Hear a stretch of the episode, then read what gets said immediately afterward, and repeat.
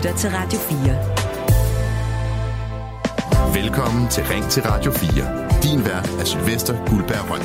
Og god tirsdag formiddag, og velkommen indenfor i øh, debatvarmen her på Radio 4. Jeg håber, du har telefonen lige ved hånden, for de næste to timer, der har jeg altså brug for, at du ringer ind med din holdning til de tre emner i dag. Senere så skal det handle om noget af det allermest irriterende, nemlig cykeltyverier. Og så skal vi også forbi et uh, datingfænomen, hvor det lige pludselig bliver bum stille fra den anden part. Det er det, der hedder ghosting. Men allerførst, så skal vi en tur til grænsen.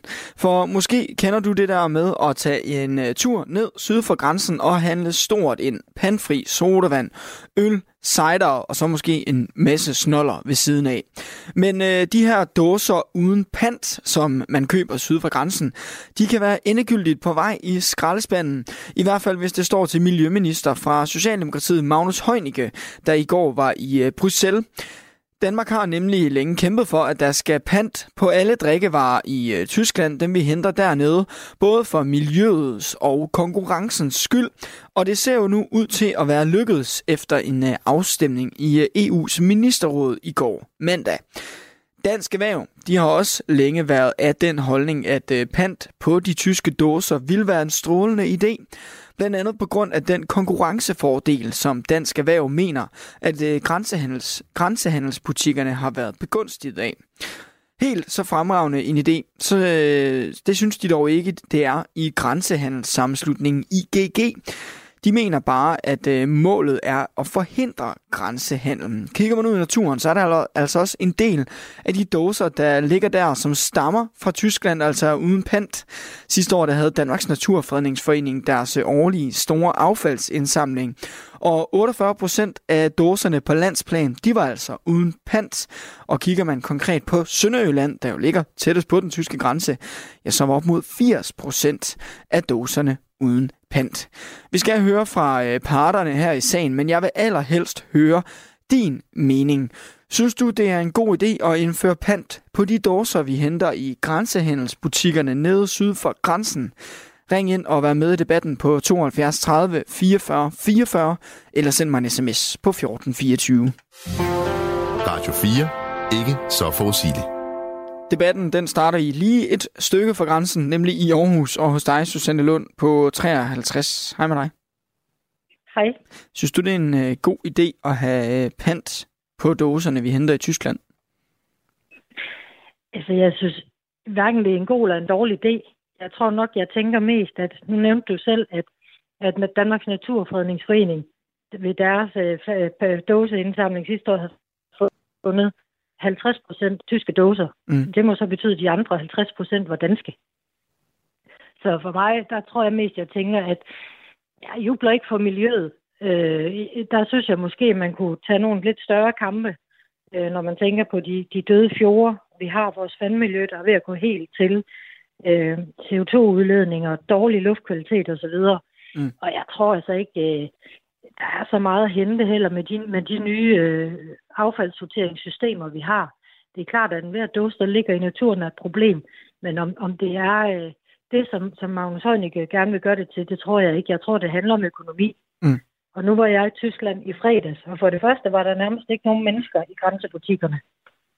Og det andet var det faktisk ikke ret billigt. Vi købte 15 rammer sodavand. Det var det. Vi har sparet 240 kroner, når vi har trukket benzinen fra. Det spiste vi så for i Henriks Cafeteria ved siden af til Duborg. Mm. Altså, det, så det kan godt være, at nogen kløver klogere ind, end vi gør. Men når man snakker om det der med, med dåsehandel, det var det, vi kom for, og vi har ikke sparet noget. Jeg kan gå over i min lokale netto, jeg kan gå i en lokal Rema. Jeg kan faktisk få det lige så billigt, hvis jeg i stedet for en dåse vil have en halvanden eller to liters sodavandsflaske. Men men i Danmark er vi jo øh, faktisk vildt gode til det her med pant. I, øh, I 2022 der kom der for hver 100 flasker og dåser med pant, der, der blev solgt på det danske marked. 92 af dem tilbage til pantsystemet. Vi er, altså, vi er altså ret gode til at pante. Er det så ikke også meget naturligt, at der vil komme øh, pant på de dåser, som mange henter ud fra grænsen? Jamen, jeg synes, det er fint. Jeg har ikke noget problem med, at der kommer pant på dåser. Jeg synes bare, at man skyder gråsbord med kanoner. Du nævnte det selv. 50 procent af de dåser, man fandt sidste år, var tyske. Jamen, den anden halvdel var så danske. må vi antage, på trods af det udmærkede system, som, som du nævner, og som jeg også selv synes. Jeg går ud med mine dåser i min skraldespand, jeg har stået herude foran mit hus. Mm. Vi har jo alle muligheder for at aflevere det, så hvis 50 procent af alle de dåser, der ligger i naturen, er danske, så kan man sige, så er det sådan lidt ligegyldigt med, om der er pand på de tyske dåser. Tror du også, der kunne ligge noget, noget nudging i det, som det jo så pænt hedder? Altså, nu nævner du selv, at du ikke synes, det var så billigt igen, og du tog jo så turen, øh, i hvert fald øh, på tværs af halvdelen af Jylland ned til grænsen. Hvis nu, at, at øh, der blev lagt en pand på dåserne, de så øh, blev endnu dyrere ned ved Tyskland, kunne det så ikke måske afholde dig for at tage den der tur i din bil på tværs af Jylland? Nej, fordi de der to gange om året, tre gange om året, hvor vi måske gør det, så gør vi det for at komme ned og se julemarkedet Flensborg til jul, for mm. eksempel. Mm. Eller køre lidt længere ned og se et kunstmuseum, eller noget andet. Så det er turen, det handler om for os. Mm. Så, så, så vi kommer til at gøre det alligevel. Øhm, og jeg tænker, at dem, der bor nede i grænseområdet, jamen der skulle være penge spare på kød og smør og alt muligt andet. Så jeg tror ikke, at det er de panden på de tyske dåser, der stopper dem. Og ja, det er jo ikke, fordi jeg har noget mod, at man putter pand på tyske dåser. Jeg, jeg tror bare ikke, jeg synes, det er så fantastisk øh, øh, en ting, som, som øh, det, det forsøges at blive gjort til af regeringen. Der ligger altså nogle andre miljømæssige udfordringer, jeg synes, der er større. Susanne, tak for lige at sætte øh, debatten i gang. Jeg skal nok vende tilbage til dig på øh, sms'en. Der skriver Tommy fra Vestjylland, der er pant i Tyskland, og der er pant i Danmark. Det handler kun om danske dåser, der eksporteres til Tyskland og genimporteres. Det er helt gak og har intet med øh, Tyskland at gøre. Og Inger skriver, selvfølgelig er det en god idé at indføre pant på tyske dåser. Det øh, går især ud over Sønderjylland, og hvornår bliver loven indført, spørger Sønderjylland. Ja, der er jo lige et stykke tid til, for det er jo bare en, en hvad kan man sige, en indledende aftale, de har lavet nede i EU. Jeg vil rigtig gerne høre fra dig i debatten her. Du kan som altid både ringe og sende sms'er. Du lytter til Ring til Radio 4. Ring til os på 72 30 44 44 eller send en sms til 14 24. De tyske grænsehandelsbutikker har igennem mere end 20 år solgt pandfri dåseøl og sodavand og hvad man ellers skal få på dåse til danskerne. Men det ser altså ud til at være fortid. Om øh, et stykke tid, Danmarks Miljøminister Magnus Heunicke fra Socialdemokratiet, han var i hvert fald til ministerrådsmøde i EU i går, og her stemte han for, at der fremover skal pant på alle drikkevarer, som øh, vi køber i Tyskland og tager med hjem til Danmark. Bettina Schønning, jeg kan nu sige øh, velkommen til programmet til dig. Tak skal du have. Du er advokat og chefkonsulent hos Dansk Erhverv. Hvorfor, øh, hvad siger du til, at den her mission om, at øh, der skal pant på de tyske dåser, den nu øh, måske bliver til virkelighed? Jamen, øh, det er jo, øh, det er jo fantastisk. Øh, vi har kæmpet for det de sidste 20 år, så, så vi er virkelig glade for, at miljøministeren han nu siger det højt her. At det er selvfølgelig fuldstændig uacceptabelt, at vi har 20 butikker i Nordtyskland, som er de eneste i hele Tyskland, de eneste i Danmark, de eneste i Sverige, der ikke opkræver pant. Mm. På trods af, at der er pantsystemer i alle tre lande. Og hvad er det store problem ved, at der ikke er pant på de dåser, som øh, vi henter øh, syd for grænsen? Jamen altså, det, det principielle problem er jo, at der er en helt overordnet målsætning øh, i alle miljøregler fra EU om, at øh, forureneren betaler. Øh, og det betyder helt lavpraktisk, at alle virksomheder øh, i Europa, der bringer emballage på markedet, skal tage deres del af miljøansvaret. Og det kan man enten gøre ved at have et pantsystem, som vi har i de her tre lande, eller man kan have et afgiftssystem, øh, der hjælper på indsamlingen af de her ting. Og det har man for eksempel i Italien og Belgien og nogle af de andre EU-lande. Mm.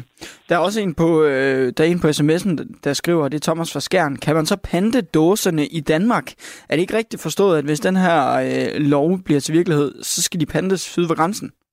Jo, fordi at der er kun øh, nationale pansystemer indtil videre, øh, og det ville jo være rigtig fedt, hvis vi havde sådan et EU-pansystem. Men øh, på grund af momsreglerne, så kan det ikke lade sig gøre, for der er moms på panten. Så det er jo nationale hvad hedder det, system. Og det er jo det samme, når du er svensker og handler i Helsingør eller Hirtals, hvor du mm. kommer ind til Danmark, så køber du også med dansk pant og returnerer den der, hvis du, hvis du vil det.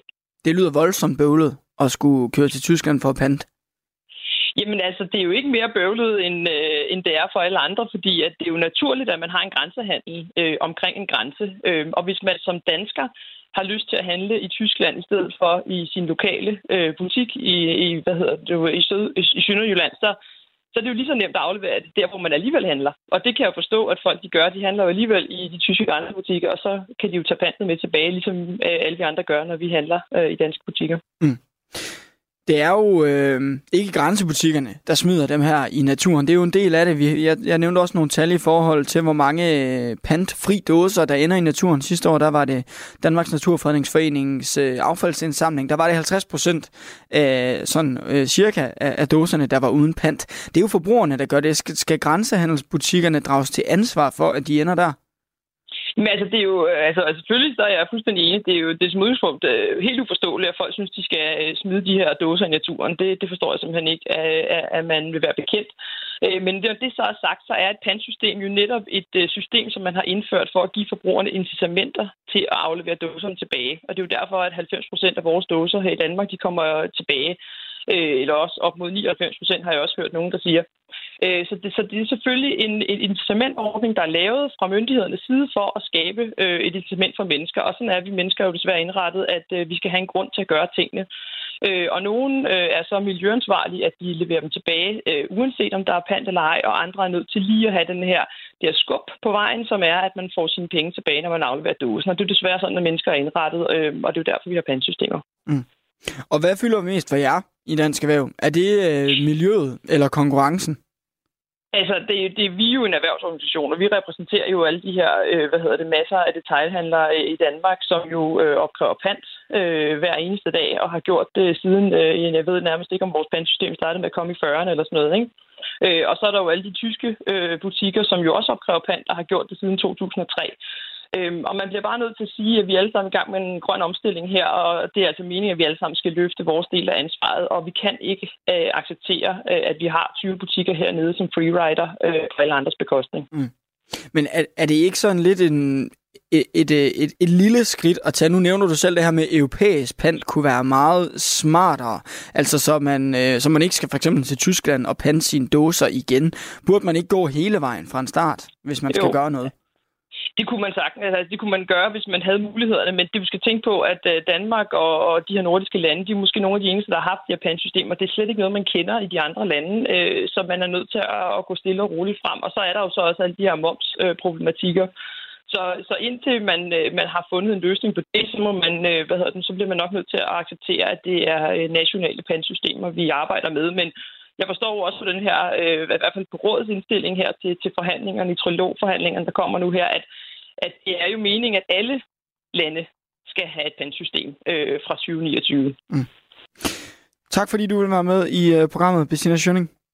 Tak skal jeg selv have advokat og øh, chefkonsulent, altså hos øh, Dansk Erhverv, hos, øh, eller på sms'en, der skriver Frank, det er en gang vrøvl, Magnus Heunig øh, kom med i går med hensyn til tyske dåser, som flyder i den danske natur.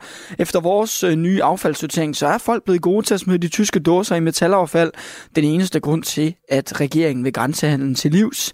De burde øh, sige det, som det er, frem for at pakke det ind. Det vil klæde regeringen at holde sig til sandheden, lyder det altså fra øh, Frank. Du kan også være med på sms'en, det er 1424. Indbakken er mere end åben, og du kan skrive, mens vi lige tager til Guldborg og siger goddag til dig i Jesper på 53.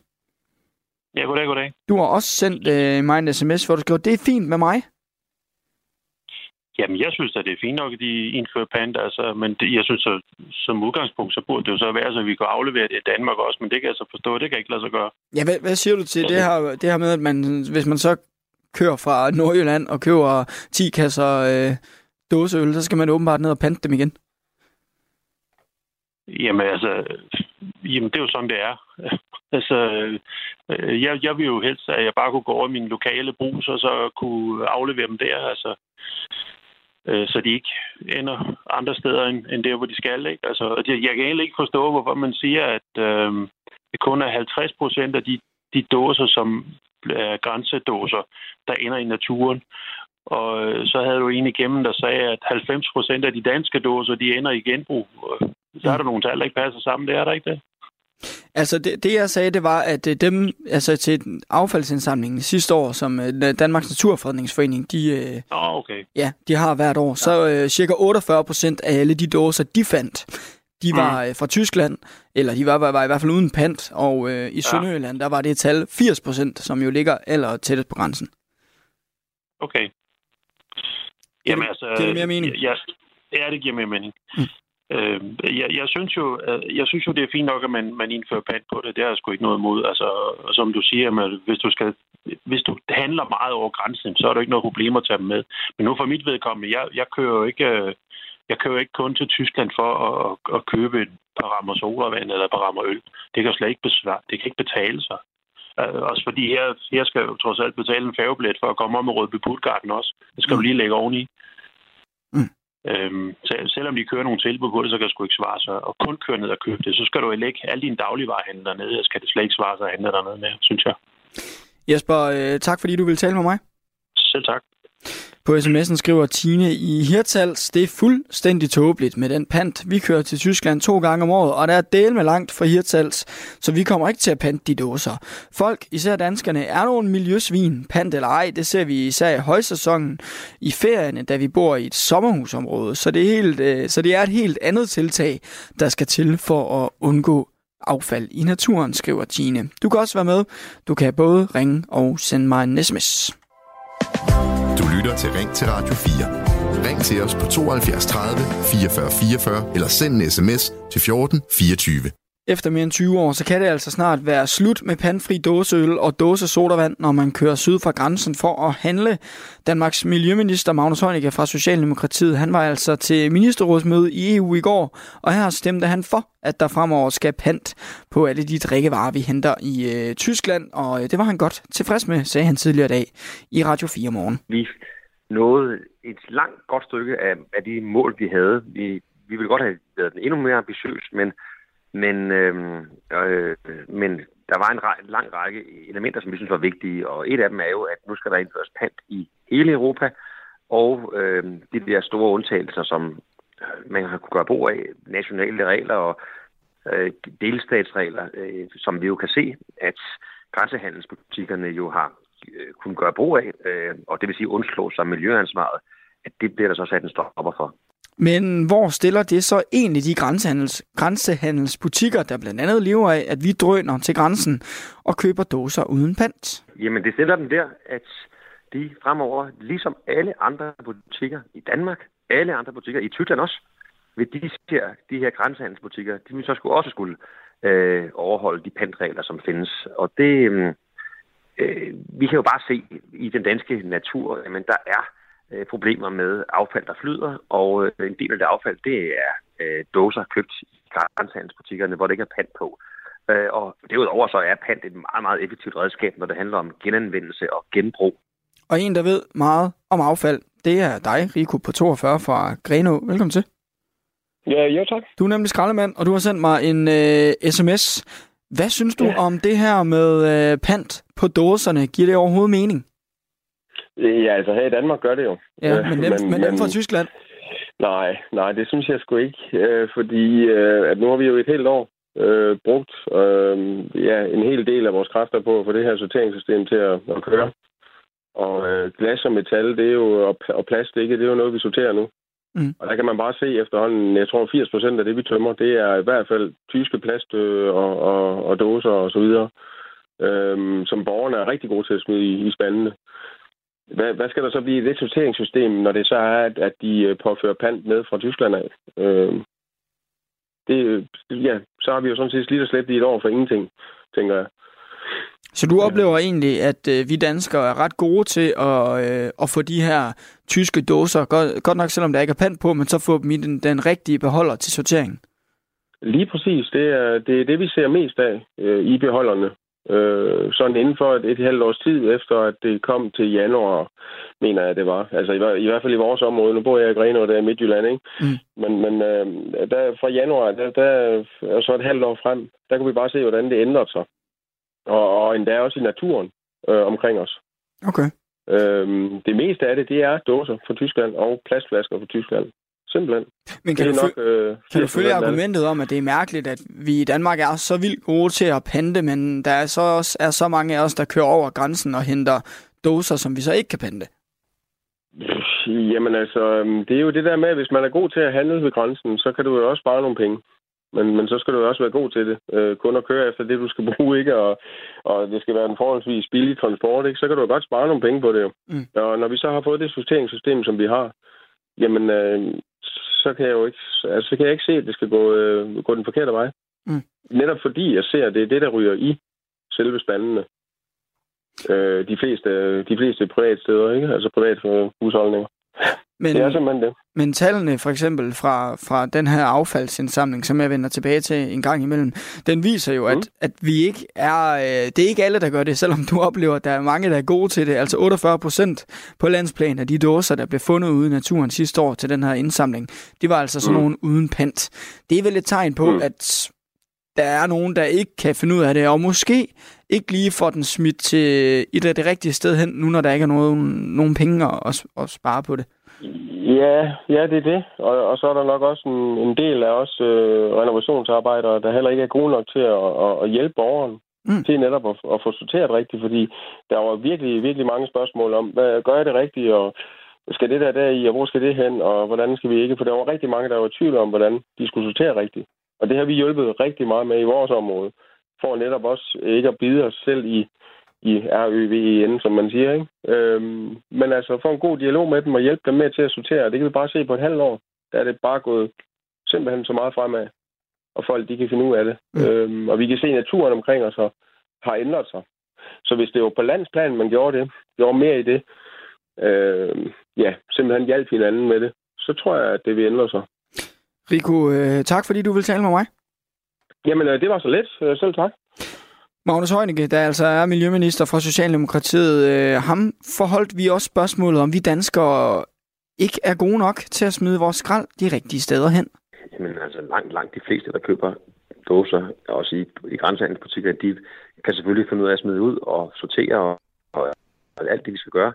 Øh, det, det, det, det kan de jo, men jeg vil også sige, når jeg så hører fra, fra en organisation som, som Danmarks Naturfredningsforening, som jo er nogle af dem, som organiserer oprydninger i vores natur, på strandene, i skovene, sådan nogle steder, i grøftekanter, jamen de beretter jo om, at, at når de finder dåser, hvad de desværre bare meget af, jamen så er langt de fleste af de dåser, de finder, er nogen, som kommer fra grænsehandelsbutikkerne. Så uanset hvad, så det har en effekt, en dårlig effekt på vores natur, at der altså er den her gruppe butikker, som har undslået sig at være en del af øh, miljøansvaret, som alle andre skal være en del af. Det skal de altså også være. Og det handler jo øh, både om øh, miljø og konkurrence, må man forstå. Men hvad fylder egentlig mest for miljøministeren? Ja, det kan du selv vurdere.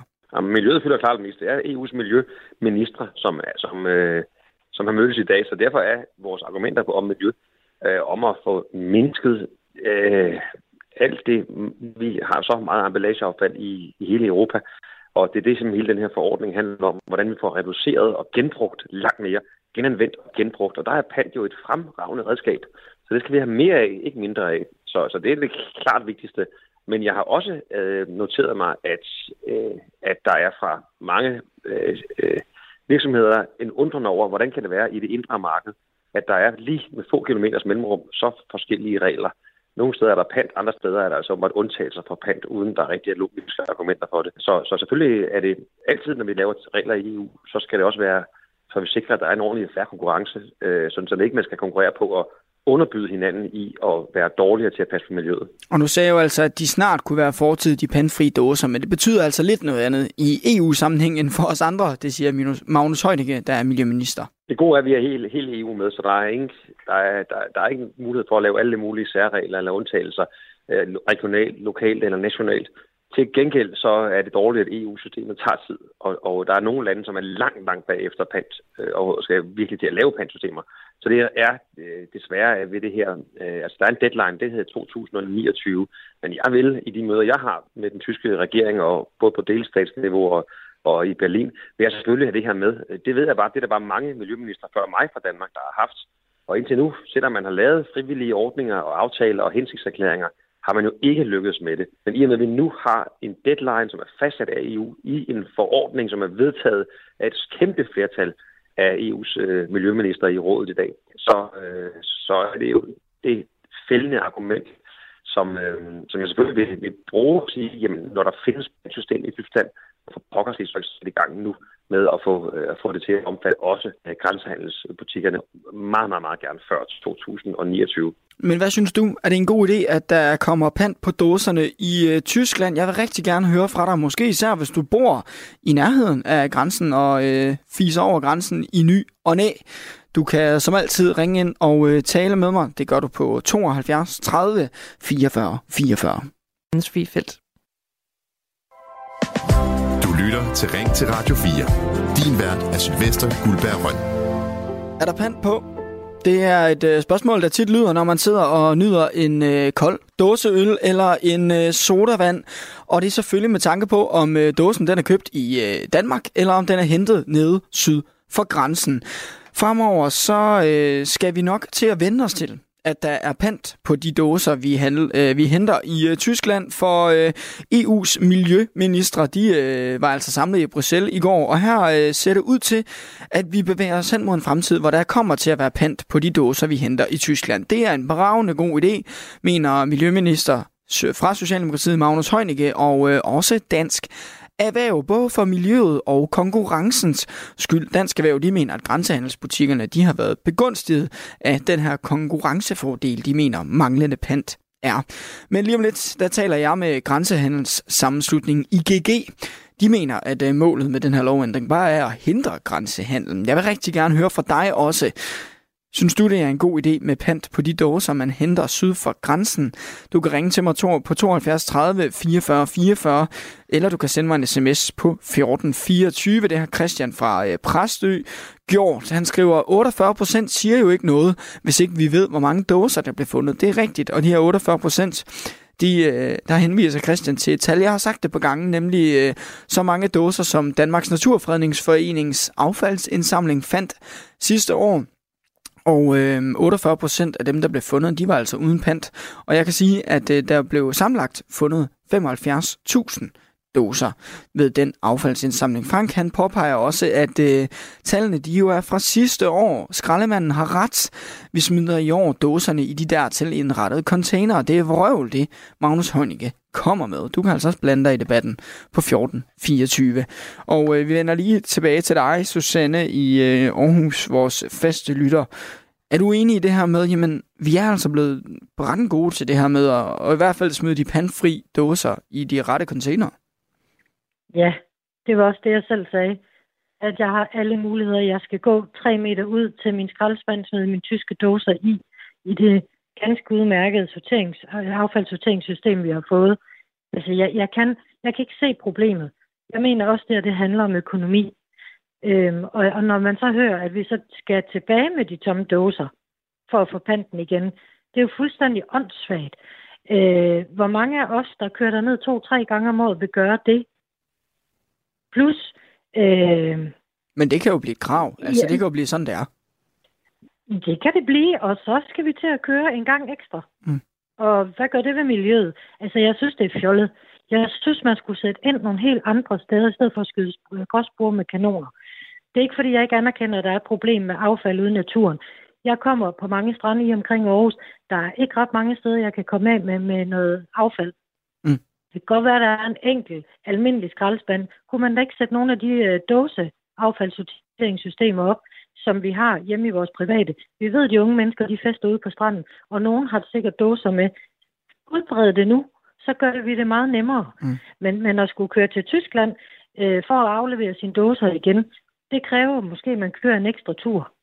Susanne, vi skal lige høre fra... Susanne, jeg er nødt til at afbryde dig, for vi har, skal lige høre fra en, der handler øh, en del ved grænsen. Det er nemlig dig, Henning på 62 fra Sønderborg. Hej med dig. Hej. Henning, jeg går ud fra, at du handler øh, tit ved grænsen, fordi du bor der, hvor du gør.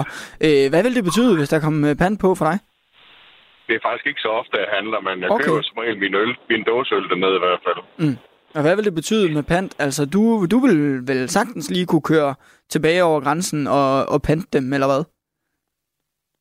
Nej, men så er det bare at købe min dåseøl i, i Danmark. Det gør jo ingen forskel. Jeg synes, det er rigtig øh, ekstra, meget ekstra arbejde, at man skal, øh, man, man skal aflevere sin dåse for at få pant, fordi miljøet er jo ligeglad, og så videre er jo ligeglad, om jeg putter dem i retur som pant, eller dem ud i min metalskraldespand, som jeg har ved huset. Mm. Så der er jo ikke nogen miljøforskel. Okay.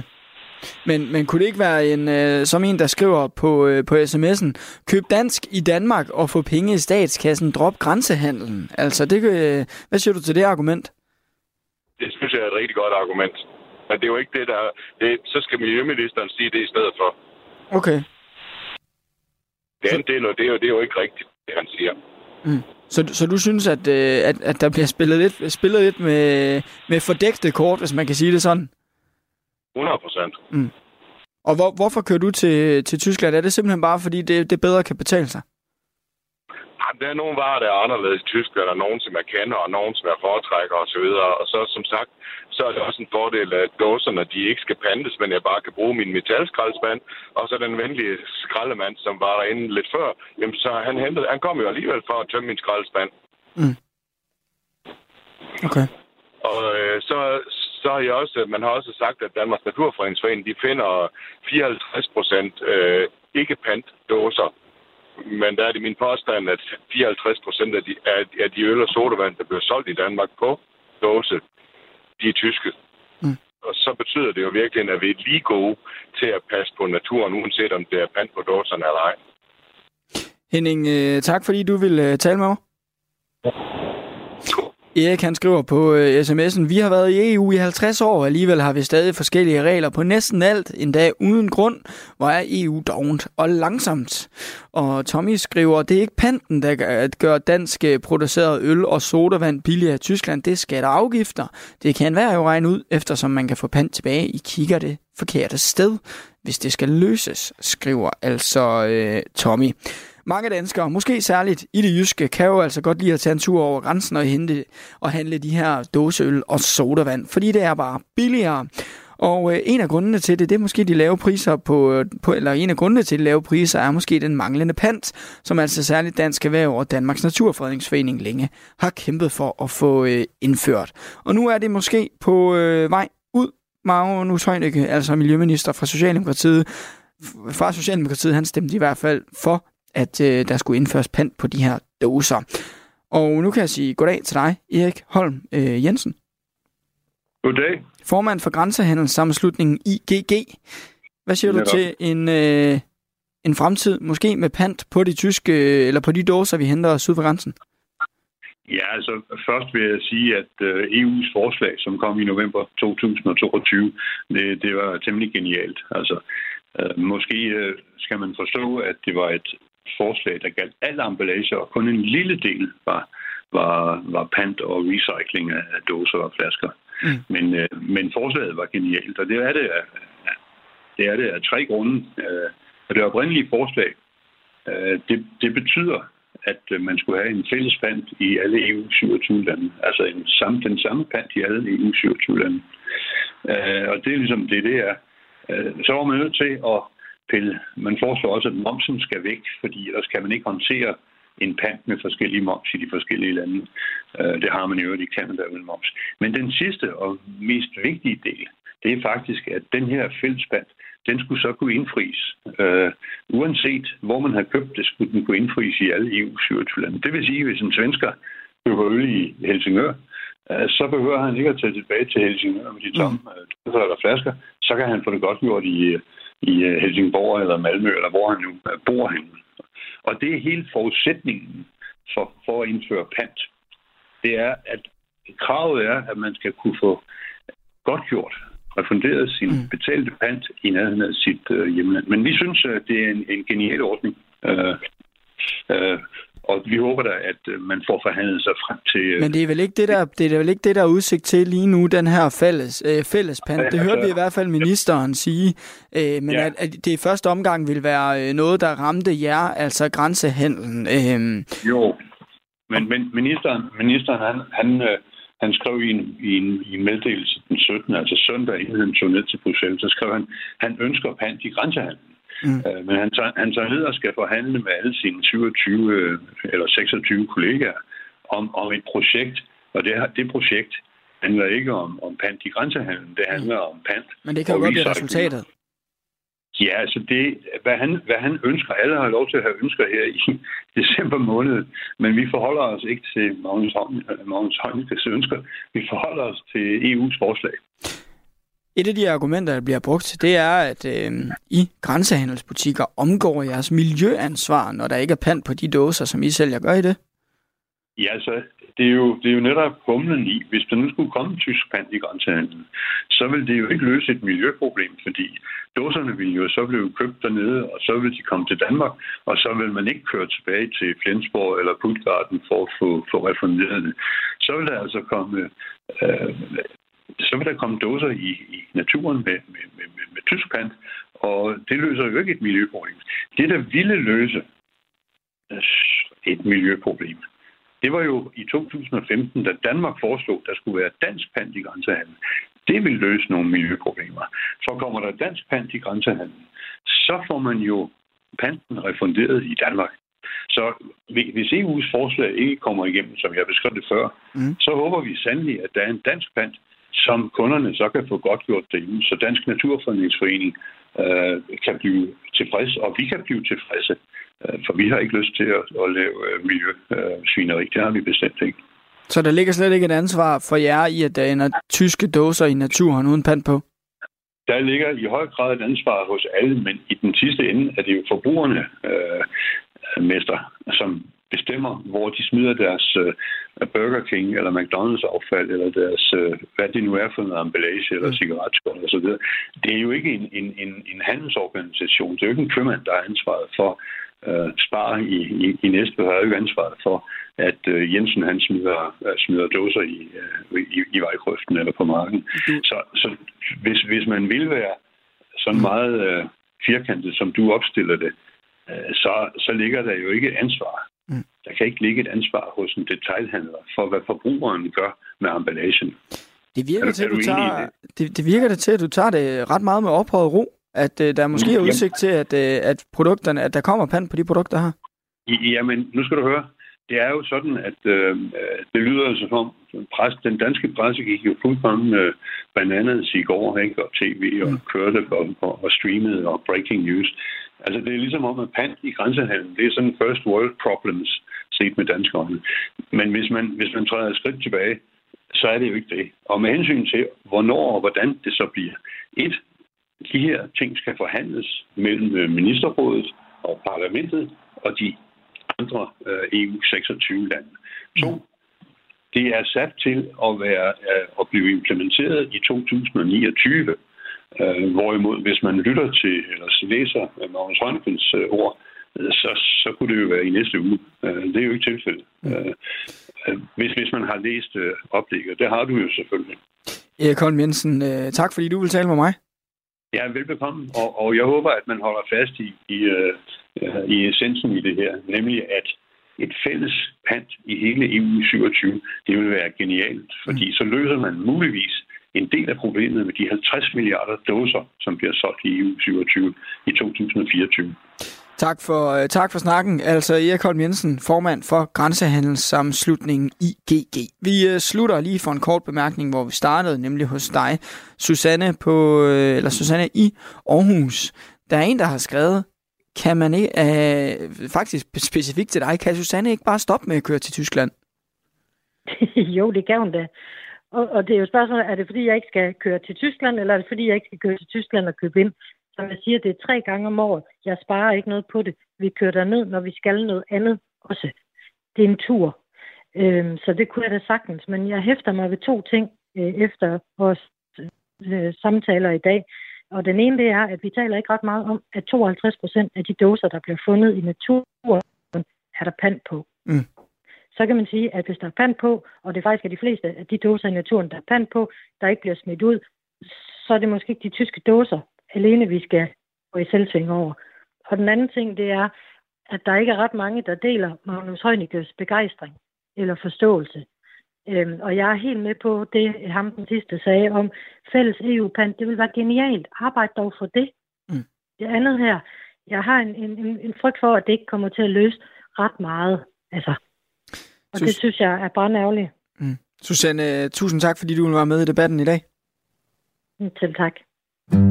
Vil du have mere overskud i din hverdag? Så er det nu, du skal spidse ører. Overskud på Radio 4 er din genvej til at få styr på alt det med pengene og mere overskud i hverdagen. Hver uge giver Sofie Østergaard dig tips og tricks til at få en sund økonomi. Jeg hjælper dig med at forstå, hvad der er op og hvad der er ned, når det handler om aktier og investeringer. Lyt til Overskud i Radio 4's app, eller der, hvor du lytter til podcast. Det svære det er faktisk at komme i gang.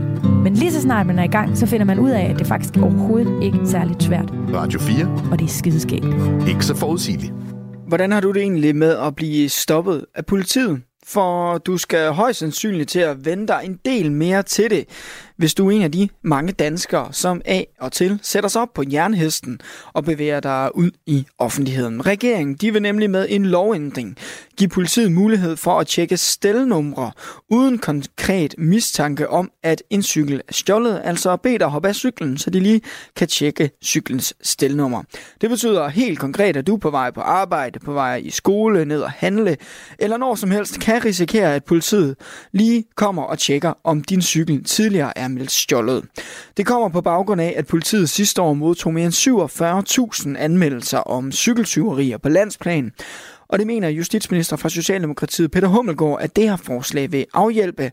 Og han understreger også, at man automatisk vil blive mere opmærksom på stelnummeret, når man for eksempel køber en cykel brugt. Lige om lidt, der skal vi høre fra Preben Bang Henriksen, retsordfører fra Venstre, og han mener ligesom justitsministeren, det her det er en fantastisk idé. Han mener, det er alt for dårligt, at der hver eneste dag bliver stjålet så mange cykler, og at øh, alle og enhver kan klare at blive stoppet af politiet, og hvis man ikke kan det, så må man bide det i sig. Der er altså ikke øh, meget medlidenhed over, hvis man lige får en klump i maven over, at øh, politiet ruller op ved siden af en på cykel. Vi skal også snakke med Nicoline Erbs Hillers Bensen. Hun er retsordfører for Alternativet, og hun mener, at det her det er den helt forkerte vej at gribe det her ind. Først og fremmest så peger hun på, at det er et kæmpe spild af ressourcer, men også øh, med lidt mere medlidenhed om, at det, det kan være en problematisk oplevelse at blive stoppet helt uopfordret. Men hvad mener du? Er det okay, at politiet får ret til at øh, stoppe dig og mig og tjekke vores øh, stelnummer på cyklen uden begrundet mistanke? Eller bliver det måske lige ubehageligt nok? Jeg vil rigtig gerne høre fra dig på øh, 72 30 44 44, om øh, du synes, det her er en god idé. Måske særligt, hvis du cykler rigtig meget og kan forestille dig, at øh, det her det bliver hverdag. Du kan også øh, byde ind på sms'en. Det er på øh, 1424. Du lytter til Ring til Radio 4. Debatten den starter vi i København og hos dig, Mette Engel på 54. Velkommen til. Tak skal du have. Er det okay, at politiet får ret til at stoppe dig og mig i tide og utide og uden øh, mistanke for at tjekke vores stelnummer? Øh, jeg synes måske umiddelbart, at, øh, at man kunne gribe det lidt mere effektivt an. End, øh, jeg tænker, at det bliver et rigtig langsomligt arbejde at skulle stoppe øh, så mange cykler. Øh, og finde ud af, når de er ikke stjålet, de er ikke stjålet. Jeg tænker sådan, umiddelbart kunne man ikke lave en øh, arbejdsgruppe, der gik rundt og tjekke cykler, der var bekæret. Og hvis de så er stjålet, eller der er et eller andet med stelnummer, der ikke passer, jamen så sæt en tracker på, og så kunne politiet stoppe alle de cykler, der øh, lige pludselig havde et uh, tracker, en tracking på. Mm. Men det lyder, det lyder da, er det ikke også lidt bøvlet at skulle udstyre cykler med tracker? Jamen, hvis de er stjålet, så skal de vel findes. Mm. Altså, man kunne sikkert snakke med DTU øh, om at lave et eller andet smart, hvor øh, man har en arbejdsgruppe måske, der render rundt på, hvis du tager på Nørre Port Station, for eksempel, så står der rigtig mange cykler. Der må være rigtig mange stjålne cykler iblandt der. Øh, så i stedet for, at politiet skal stå og stoppe 100 mennesker, jamen, så kunne de måske, den arbejdsgruppe kunne måske hurtigt finde frem til flere tusind stjålne cykler. Mm og så sætte en tracker på, sådan så det er dem, der bliver stoppet af politiet, sådan så politiets arbejde ikke ligesom bare bliver øh, ja, på øh, spild af tid. Ikke? Hvordan vil du selv have det med at blive stoppet af politiet, eller hvordan har du det med det? Øhm, nu, nu bliver jeg ikke rigtig øh, stoppet sådan af politiet. Mm. Øh, jeg har da prøvet at blive stoppet af politiet, øh, når jeg kører bil. Øh, men det er meget, meget få gange. Jeg synes da godt, det kan være uhyggeligt. Øh, måden civile politibiler, de kører rundt. Der var en aften, hvor jeg kørte på Søber Hovedgade, hvor der kom sådan en civil bil, der kørte sådan hurtigt lige pludselig med udrykning hen. Øh, og jeg troede, var mig, de stoppede. Jeg så bare, der sad fire fyre i, i den her bil, klæde. Og jeg kunne bare mærke mit hjerte, det hamrede for vildt, og jeg var nærmest ved at gå i flugtmood uden grund. Mm. Bare fordi jeg tænkte, det der, det... Øh... Tænk, hvis det ikke er politiet. Tænk, hvis jeg er ude for et eller andet overfald, så var det heldigvis ikke mig, de stoppede. Men øh, det, det var rigtig... Øh, der, der fik jeg ligesom... Huh, Mette, tak fordi du lige vil sætte debatten i gang. Vi skal nok øh, vende tilbage til, til dig, for vi skal lige til øh, Valby og sige goddag til dig, Jørgen på 71. Jamen, goddag, goddag. Er det okay, at øh, politiet får lov at øh, stoppe cyklister uden begrundet mistanke? Ja, det synes jeg er helt afgjort. Uh, jeg personligt har fået stjålet fire cykler og en knallert og det er meget frustrerende og irriterende og alt muligt andet. Øh, og der bliver stjålet så kolossalt mange cykler, og der er næsten ingen konsekvenser over det. Det er et tilfælde, hvis nogen de bliver knaldet, så er det på en blå avis eller sådan noget. Og, men øh, de der betjente, der stopper, de skal selvfølgelig være uniformeret, det er klart. Mm. Og, og, og, og det tager måske to minutter. Og hvad er to minutter? Det er et par stop, røde stoplys længere tid tager det ikke for, for en betjent at men, kontrollere. Men hvis vi nu kigger på, hvor meget øh, energi politiet skal bruge på det, tror du så ikke, der findes smartere løsninger og komme cykelteorier til liv, end at betjente skal ud og stoppe alle mulige? Man har ikke fundet dem endnu. Den løsning, eller den løsning har man ikke fundet endnu. Mm. Jeg synes, det er en ganske udmærket idé, indtil man i hvert fald finder noget andet. For man har ikke fundet noget andet endnu. Jørgen, øh, tak for indsparket. Selv tak. Hej. På sms'en der lyder det fra Jesper. Ja, det er okay, at politiet øh, får ret til at stoppe cykler. Jeg bliver også stoppet i min bil i tide og utide. Mens en anden skriver, nej, det er ikke en god idé, at man bliver betragtet som øh, potentielt tyv, bare fordi man kører på en cykel. Du øh, må gerne ringe til mig, og du må også gerne sende mig en sms. Du lytter til Ring til Radio 4. Ring til os på 72 30 44 44 eller send en sms til 14 24. Det er altså en lovændring, som giver politiet lov til uden mistanke at stoppe dig på cykel og tjekke dit stelnummer for at se om cyklet. Cyklen er øh, stjålet, og øh, det er altså en løsning, som øh, du peger på ved afhjælpe mange cykeltyverier. Preben Bang Henriksen, velkommen til. Tak for det. Retsordfører fra øh, Venstre. Hvordan vil det afhjælpe cykeltyverier, at øh, politiet stopper øh, alle mulige, der kører på cykel? Jeg ved ikke, om politiet skal stoppe alle mulige, men øh, forslaget vil give hjem til politiet, for at de kan eksempelvis lave en cykelret på et eller andet tidspunkt. Og jeg er helt sikker på, at der der været nogle stykker af dem, ja, så vil det have en præventiv virkning. Forholdet er det, at der er 47.000 cykler. 47.000 cykler, øh, der stjæles hvert år. Det er et helt vanvittigt tal, og det skal vi selvfølgelig forsøge at gøre op med. Ja, for jeg har også øh, fået stjålet cykler, Preben, og, og det har hver gang været sådan, at jeg tænkte, nå, så var den nok væk, for jeg har hørt, at øh, det er næsten umuligt at få den tilbage. Jeg tror, mange kan blive enige om, at 47.000 anmeldelser, det er for mange, men findes der ikke nemmere måder at komme det til livs på, end at lade politibetjente stoppe cyklister? Nej, altså det, den måde, vi kommer kriminalitet til livs på, ja, det er jo ved, at politiet efterforsker det. Og i det her tilfælde, ja, der er det ganske uskyldigt indgreb, nemlig at politiet stopper cyklister for at tjekke et stelnummer. Der er altså ikke tale om, at hele deres privatliv eller seksualliv udleveres på det, ved, den, ved den kontrol. Og i øvrigt, så har vi jo masser af kontroller øh, på alle mulige andre områder. Så jeg synes, det er helt naturligt, at vi får det her middel til rådighed. Ja, du siger, det er meget harmløst, men nu, nu fik jeg for eksempel en sms, hvor der står, det er ikke en god idé, at man bliver betragtet som potentielt tyv, fordi man kører på en cykel. Kan, det ikke, øhm, kan, kan man ikke godt føle det grænseoverskridende at blive stoppet sådan uden grund? Jeg kan ikke sige, om man kan føle det grænseoverskridende. Jeg mener bestemt ikke, det er grænseoverskridende. Altså, det svarer jo til en, en spritratia. Det er jo heller ikke sådan, at jeg mener, at øh, det er grænseoverskridende, at jeg bliver stoppet i en spritratia, fordi alle biler bliver jo stoppet i den der ratia. Så det er jo ganske almindelig og, og uskyldig, øh, en ganske almindelig og uskyldig kontrolmåde, øh, som politiet kan gennemføre her. Mm. Og du, du køber ikke præmissen om, at man kan gøre det her på en nemmere måde, end at lade politifolk øh, bruge deres tid på at stoppe cyklister? Nej, jeg så da gerne, det var overflødigt, og jeg er da øh, øh absolut ikke argumentresistent. Så hvis der er nogen, der har, der har nemmere måder på det, sådan at vi kan bruge politiets øh, øh tid på, på vigtigere opgaver, jamen så skal man endelig komme frem med det.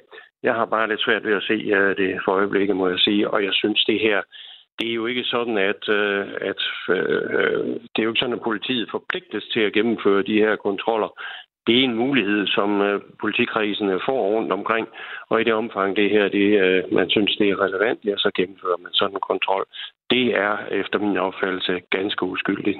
Okay. Jeg har lige fået en sms, jeg lige gerne vil nå at med. Den kommer fra Martin, der skriver, har forstået stjålet, fra fået stjålet cykel tre gange, to af dem nye, og de er endt i Østlandene. Men det værste er, at man bliver paranoid og mister lidt tro på de gode mennesker. Det går ud over alle andre. Selvom jeg ikke tror, det hjælper, så har jeg ikke noget imod kontrol. God idé at kigge mere på tracking.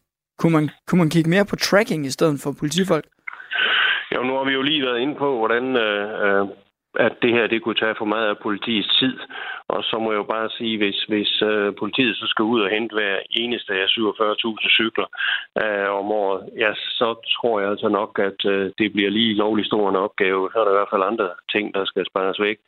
Øh, og, og det understreger jo også bare, at den præventive virkning, der ligger i det her, det er sådan set den billigste og måske også mest effektive øh, måde på at begrænse cykeltyverierne. Mm. Preben Bang Henriksen, tak for snakken. Du er velkommen. Det er godt. Retsordfører, altså for Venstre på sms'en skriver Anna, selvfølgelig skal politiet kunne stoppe os på cykel. Det svarer jo til for eksempel at blive stoppet i forbindelse med alkoholkontroller. Hvor er vi blevet pyldret? Og øh, Jesper han kommer med et øh, forslag. Små nummerplader på cykler. Super nemt at tjekke, om de er blevet stjålet. Jeg vil altså også rigtig gerne høre fra dig. Synes du, det er ok, at politiet får lov til at stoppe cyklister uden begrundet mistanke for at tjekke stelnummer og tjekke, om cyklen er meldt stjålet? Ring ind og vær med i debatten 72 30 44 44. Du lytter til Radio 4. Velkommen til Ring til Radio 4. Din vært er Sylvester Guldberg Røn. Hvis du er en af dem, der tager cyklen på arbejde, i skole, til fritidsaktiviteter og ned og handle eller noget helt femte, så kan det være, at du skal til at sætte lidt ekstra tid af for at blive stoppet af politiet. Måske. Regeringen de øh, står nemlig klar med en lovændring, der giver politiet mulighed for at tjekke stelnumre uden konkret mistanke om, at cyklen er stjålet. Politiet de kan altså øh, holde ind til siden og lige bede om at se, hvad for nummer der står på stillet, for at øh, se, om den er øh, stjålet. Det kommer på baggrund af, at politiet sidste år modtog mere end 47.000 anmeldelser om cykeltyverier på landsplan, og det mener justitsminister fra Socialdemokratiet Peter Hummelgaard, altså at øh, forslaget her her vil afhjælpe og understreger også, at man nok automatisk vil blive lidt mere opmærksom på stelnummeret, når man for eksempel køber en brugt cykel. Men øh, det er altså ikke alle af politikerne, der er helt oppe at ringe over den her lovændring. Lige om lidt taler vi med Nicoline Erbs Hillers Bensen, retsordfører fra Alternativet. Hun mener, at det er en forkert måde at gribe det an på, Først og fremmest peger hun på, at det er et spild af ressourcer, men øh, også øh, peger på det her med, at det måske er en problematisk oplevelse, at man bliver stoppet helt uaffordret på cykel. Men hvad mener du? Synes du, det er okay, at politiet formentlig får lov at øh, stoppe dig uden begrundet mistanke på cykel og tjekke, om din øh, cykel er stjålet? På sms'en skriver Daniel, jeg cykler til og fra arbejde hver dag, og det vil ikke genere mig, for jeg har intet gjort og intet at skjule. Politiet får den her mulighed, men selvfølgelig spilder de ikke tiden. De vil jo stoppe mistænkelige eller kendinge. Det er for øvrigt ulovligt for politiet at smide tracker på uden kendelse, så den metode er ikke brugbar, medmindre vi vil ændre loven, som vil give politiet vidtrækkende beføjelser, skriver Daniel. Og øh, Tommy, han er også inde på det her med tracker. Han skriver, jeg kan se, at man kan få GPS-trackers helt ned til 20 kroner per styk. Lav et lovkrav om, at de skal være indbygget i alle nye cykler. Og så kan jeg ikke se, at det er noget, politiet skal spille øh, for meget tid på. Og det her, hvem der skal bruge øh, tiden øh, på det, det er også noget, som øh, du har en holdning til. Vibeke på 71 i bedre. Hej med dig. Hej. Du mener, det er måske noget, forsikringsselskaberne skulle øh, beskæftige sig med i stedet for? Ja, det synes jeg. Jeg synes, det er, jeg synes, det er helt vildt, at politiet det skal rende rundt og gøre det. I hvert fald i den her tid, hvor der er så mange andre opgaver, der er vigtigere. Og mm. der ikke, ja, de har problemer med at både få folk og, og finansiere alt det, de bliver bedt om. Så når det så bliver sagt det med cykeltyveri, så tænker jeg, nej, nej, nej, det er helt vildt. Så jeg synes, det er måske, men jeg, jeg har ikke løsning, men uh, jeg ved da bare sådan noget som p-bøder, det er jo også noget, politiet engang tog sig af. Og i dag kører det rigtig, rigtig godt. Det tror jeg, der er mange, der Men hvorfor synes du, du skriver jo til mig i en sms, Vibeke, at øh, man kunne tænke på forsikringsselskaberne, at ja. de skulle tage arbejdet på sig. Hvorfor lige dem? Ja, det synes jeg, ja. Fordi de kunne jo måske skabe et korps, der har lov til at gå rundt og kigge på cyklerne. Og hvis de stjåler cyklerne, så må de så samle dem ind. Mm. Altså fordi det er dem, der betaler, det er dem, der betaler for forsikringen normalt? Ja. Mm. Jamen det er, det er jo forsikringsselskaberne, der tjener på de forsikringer, der uh, bliver uh, inddraget. Altså man har jo en forsikring, hvor man betaler for blandt andet cykelteori. Mm. Så indtægten ligger jo på forsikringsselskaberne, og så synes jeg måske også, at udgifterne skulle ligge der. Du nævner det her med ressourcerne, Vibeke, ja. øhm, og det talte jeg også med Preben Bang Henriksen om. Han sagde, at det er jo ikke fordi, vi beder alle landets politibetjente om at, sy- at stoppe en cyklist øh, per, mand, per dag, men at det måske var noget, man kunne gøre en gang imellem. Altså en razzia, eller hvis man måske alligevel er ude at tjekke øh, folk, øh, der cykler med lys på, eller kører over for fodgængerfelter, så kunne man måske implementere det i det. Er det ikke fint nok? Jo, det kunne man også gøre. Det er da rigtigt nok, ja. Altså det med lys, det er jo en sindssygt vigtig ting, fordi det har en helt anden betydning. Så det kan jeg godt forstå, de engang med, med øh, gør, hvis folk ikke selv kan, kan tænke sig så langt. Mm. Men øh, jo, det er da også, så var det samtidig med den der, som jeg i hvert fald ikke ville øh, barbere væk. nu ved jeg ikke, hvor meget du cykler, Vibeke, men hvordan vil du have det med sådan at blive stoppet af en politibetjent helt uden øh, mistanke?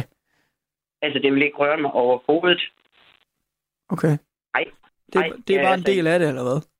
Ja, det synes jeg er, altså, nu vil jeg sige, lige, lige for det med, øh, hvis jeg ikke havde lys på, jeg synes, det var helt i orden, de stoppede mig. Altså for at tjekke, om det var stjålet, så vil jeg bare sige, det er godt nok.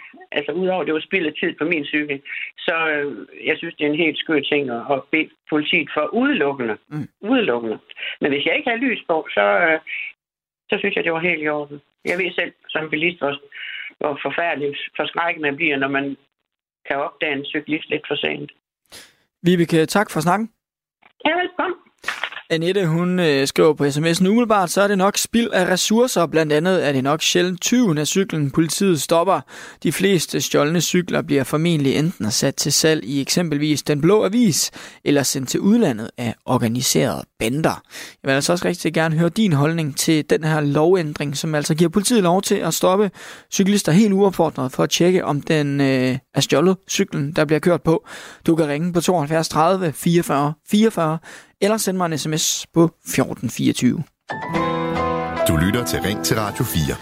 Preben Bang Henriksen fra Venstre, han mener altså, at det er den helt rette strategi at give politiet lov til at stoppe cyklister. Ham talte jeg med øh, på, øh, lige inden vi gik på nyheder, og nu kan jeg så byde velkommen til en anden politiker, nemlig dig, Nicoline Erbs Hillers Bensen.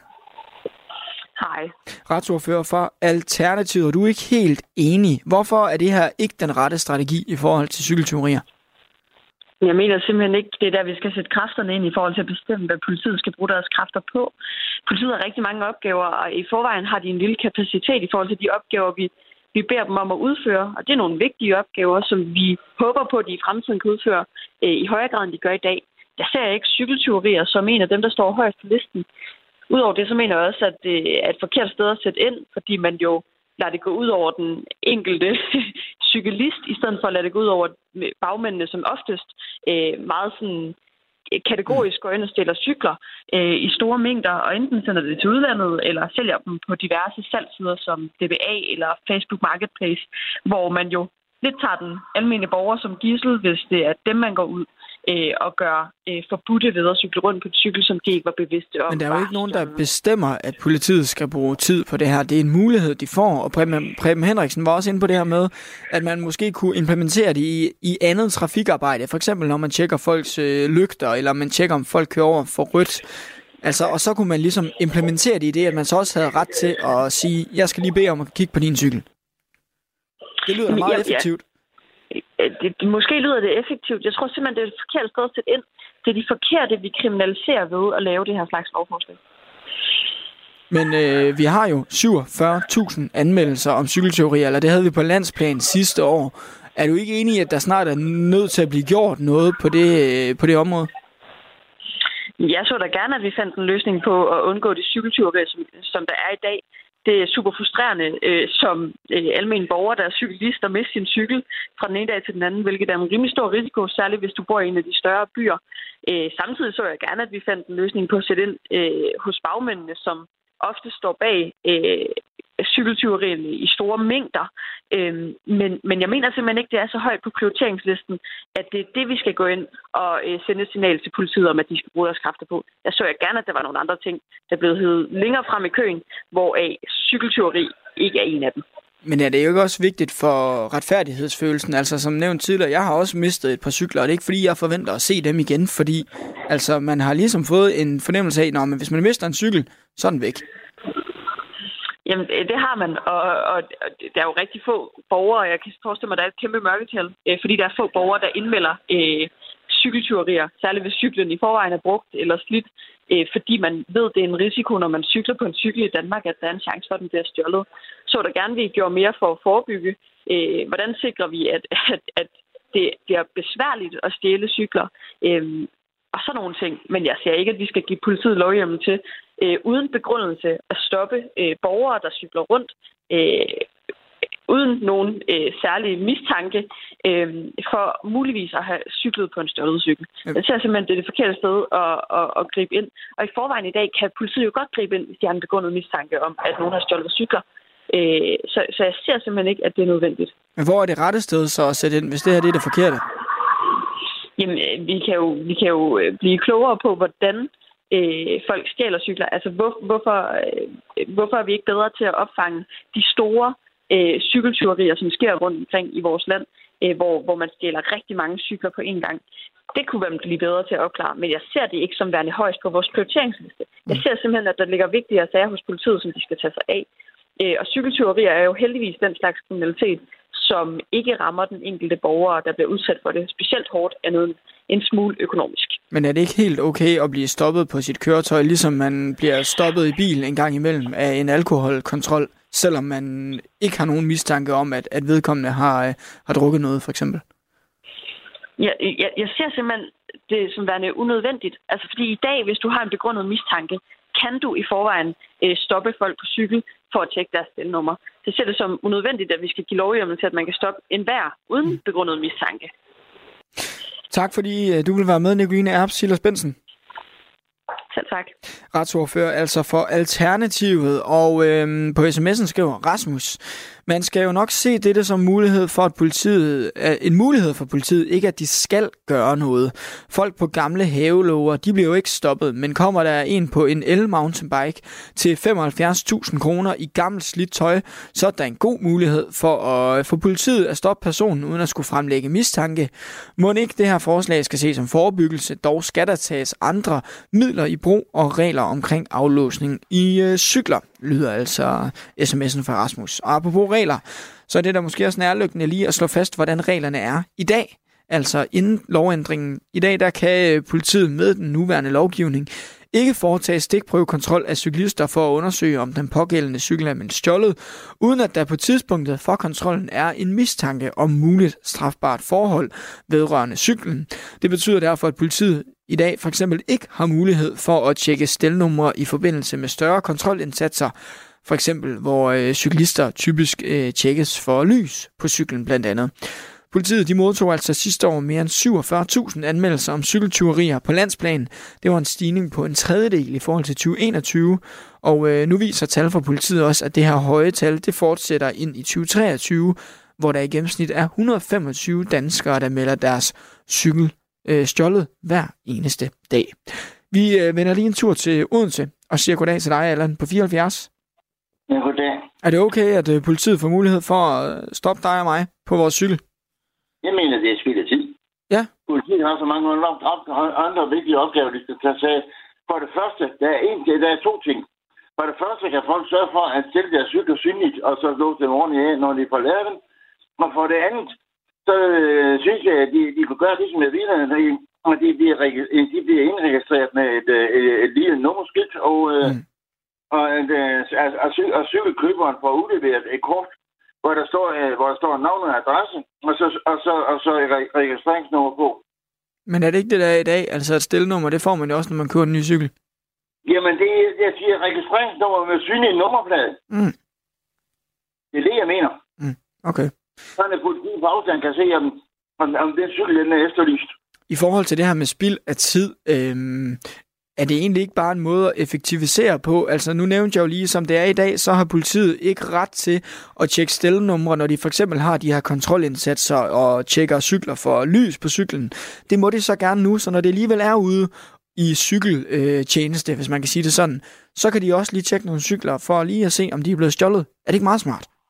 Nej, det er spild af tid. Hvorfor? Er, er det ikke et stort problem, at der bliver stjålet 50.000 cykler om året? Jo. Men uh, der er så, jeg siger, at der, der kan folk sørge for, for det første at parkere deres cykler synligt, og sørge for at låse dem ordentligt.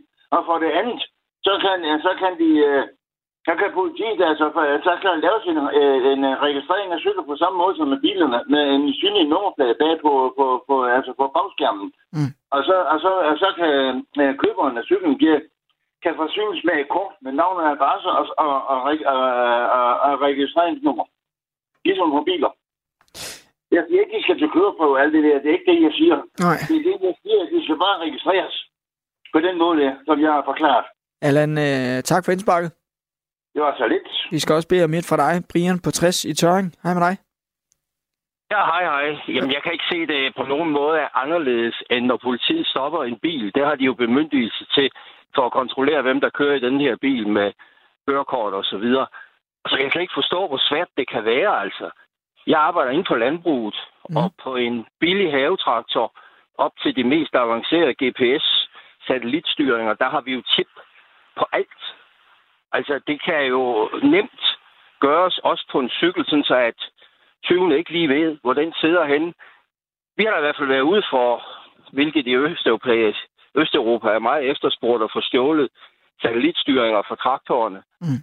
Og dem kunne vi uh, fortælle politiet præcis, hvor de befandt sig henne ved at spore dem på skærmen, ligesom man kan med en bil, hvor det er lov faktisk, at man skal have satellitstyring.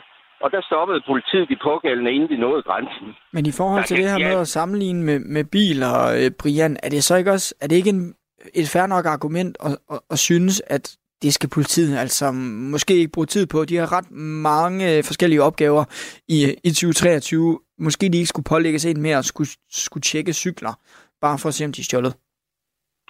Jamen altså, det tager jo et splitsekund. Hvis du holder en søger hen foran en chip på en cykel, så ved du i et splitsekund, hvem den skulle tilhøre. Det er jo ikke noget med stelnummer og alt det pjat der. Det er ligesom, vi er kommet lidt længere i IT i dag. Så hvorfor ikke udnytte det? Men det er jo ikke alle, der har en søger i dag. Nej, men det har politiet. Mm. Så er det jo bare at sætte den hen. Det er altså, hvis der kører en eller anden mistænkelig udseende, der ikke kan styre en traktor ud på landvejen, øh, så stopper politiet ham jo også. Så kan de se, at ja, men den traktor der, den tilhører jo sådan set ikke dig. Så der er lige noget, vi skal snakke om her. Altså, vi er jo nødt til at udnytte de muligheder, der er. Nu bliver der snakket om nummerplader og sådan noget. Det er jo en generation tilbage. Det kan vi ikke rigtig bruge til noget i dag. Vi synes i hvert fald, at det her med chipene, det fungerer helt uden problemer. Og øh, politiet kan jo altså følge de her ting, der bliver stjålet. Ja. Der er meget, er attraktivt til dansk landbrug, fordi vi er langt fremme på IT, og det er vi også nødt til at være. Brian, øh, tak for snakken. Det er godt. Tak. Hej. Vi vender lige forbi dig igen med det, vores faste lytter i København. Der bliver nævnt nogle sådan konkrete forslag med små nummerplader og GPS-tracker og sådan noget i stedet for. Er det en bedre løsning? Ja, jeg, jeg, synes, det lyder som en rigtig god løsning. Øhm, og som øh, Vibeke sagde, at øh, forsikringsselskaberne måske går ind over og, øh, og udfører noget arbejde der, og øh, eventuelt i samarbejde med DTU få de studerende til at lave nogle brainstorm om, hvordan man kunne øh, gribe den opgave an. Og aflaste politiet lidt, selvom det måske kun tager et par sekunder lige at, at tjekke et digitalt øh, stelnummer, så, øh, så skal de jo stadigvæk stoppe folk. Men hvis de nu alligevel er ude og stoppe folk i forhold til, at de ikke har lys på cyklen, eller at de kører over for rødt, altså er det så ikke en, en meget nem, lille, naturlig ting at gøre oveni? Jo, det kunne det godt være, men det, på den måde finder du ikke særlig mange stjålne cykler. Og så hvis vi ville problemet øh, til livs og finde de her stjålne cykler, så skulle man måske sætte ind på en anden måde Mm. og hjælpe politiet lidt. Men øh, jeg vender tilbage. Øh, jeg, jeg, vi skal lige øh, videre. Jeg har nemlig nogle sms'er her fra, øh, Ja, jeg har fået på, på sms'en 1424 dagen, der skriver, cykellåse har ikke virket siden batterivinkelsliberen blev allemands eje, og en anden skriver, de skulle hellere tjekke lys. Hver tredje cyklist kører uden lys, og bilister der bliver straffet for alt, men cykler går fri, og kører man en ned, jamen så får man skylden, lyder det på sms 1424. Vi skal til Nykøbing Sjælland og sige goddag til dig, Birgitte på 59. Ja, hej. Hej. Synes du, det er fair nok, at politiet får mulighed for at stoppe alle cyklister uden mistanke? Jeg synes, det er helt fint. Så længe man har øh, ren mel i posen, så er det vel et spørgsmål om, at man har en øh, autoritetstro, der bliver vækket, hvis man har et problem. Øhm, ja, jeg synes, det er fint, men hvis der er øh, ressourcer til det, så er det jo godt. Men ellers synes jeg jo også, som der er sagt, at det er øh, noget, forsikringsselskaberne skulle være med ind over. Det er jo dem, der ligesom står med regningen. Så, øhm, og desuden så, altså, der kan jo være folk, der har meldt deres cykel stjålet og stadigvæk kører på den. Der kan også være dem, som har fået den stjålet. Så måske skulle man kigge, hvor bliver de cykler stjålet mest, hvis når de bliver anmeldt? Er det på stationer? Kunne man lave et låsesystem, ligesom når man skal have en indkøbsvogn, sådan så at øh, det er lidt mere svært for for eksempel dem, der måske tager dem øh, til tracking, altså samler sammen om natten, eller hvornår det foregår, øh, de ikke bare lige kan tage cyklen op på et lad, men den skal rent faktisk øh, saves over eller klippes over for at blive løsladt der, hvor den nu end står. Mm.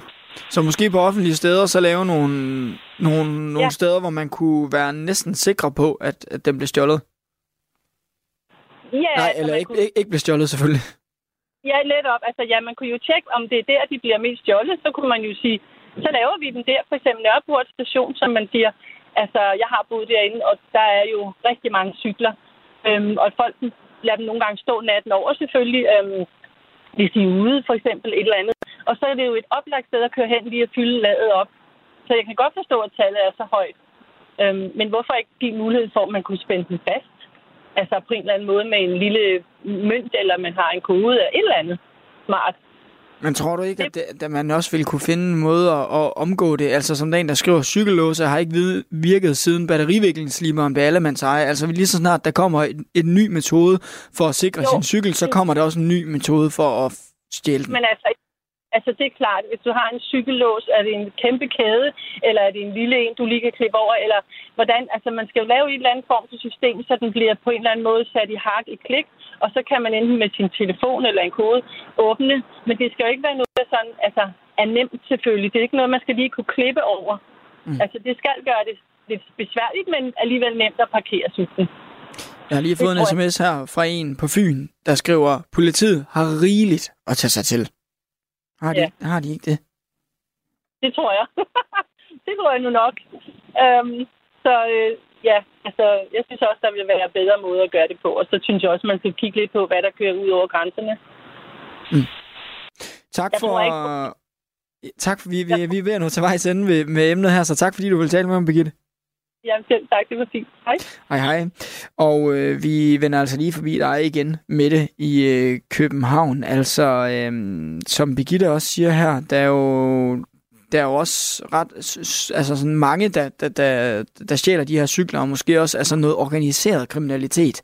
Er det ikke dem, man skal sætte ind for, i stedet for, for en eller anden, som måske ved en fejl er kommet til at, at købe en cykel, der er stjålet? Jo, det synes jeg, det lyder som en god idé. Hvordan tror du, vi gør det? Hvad siger du? Hvordan tror du, vi gør det?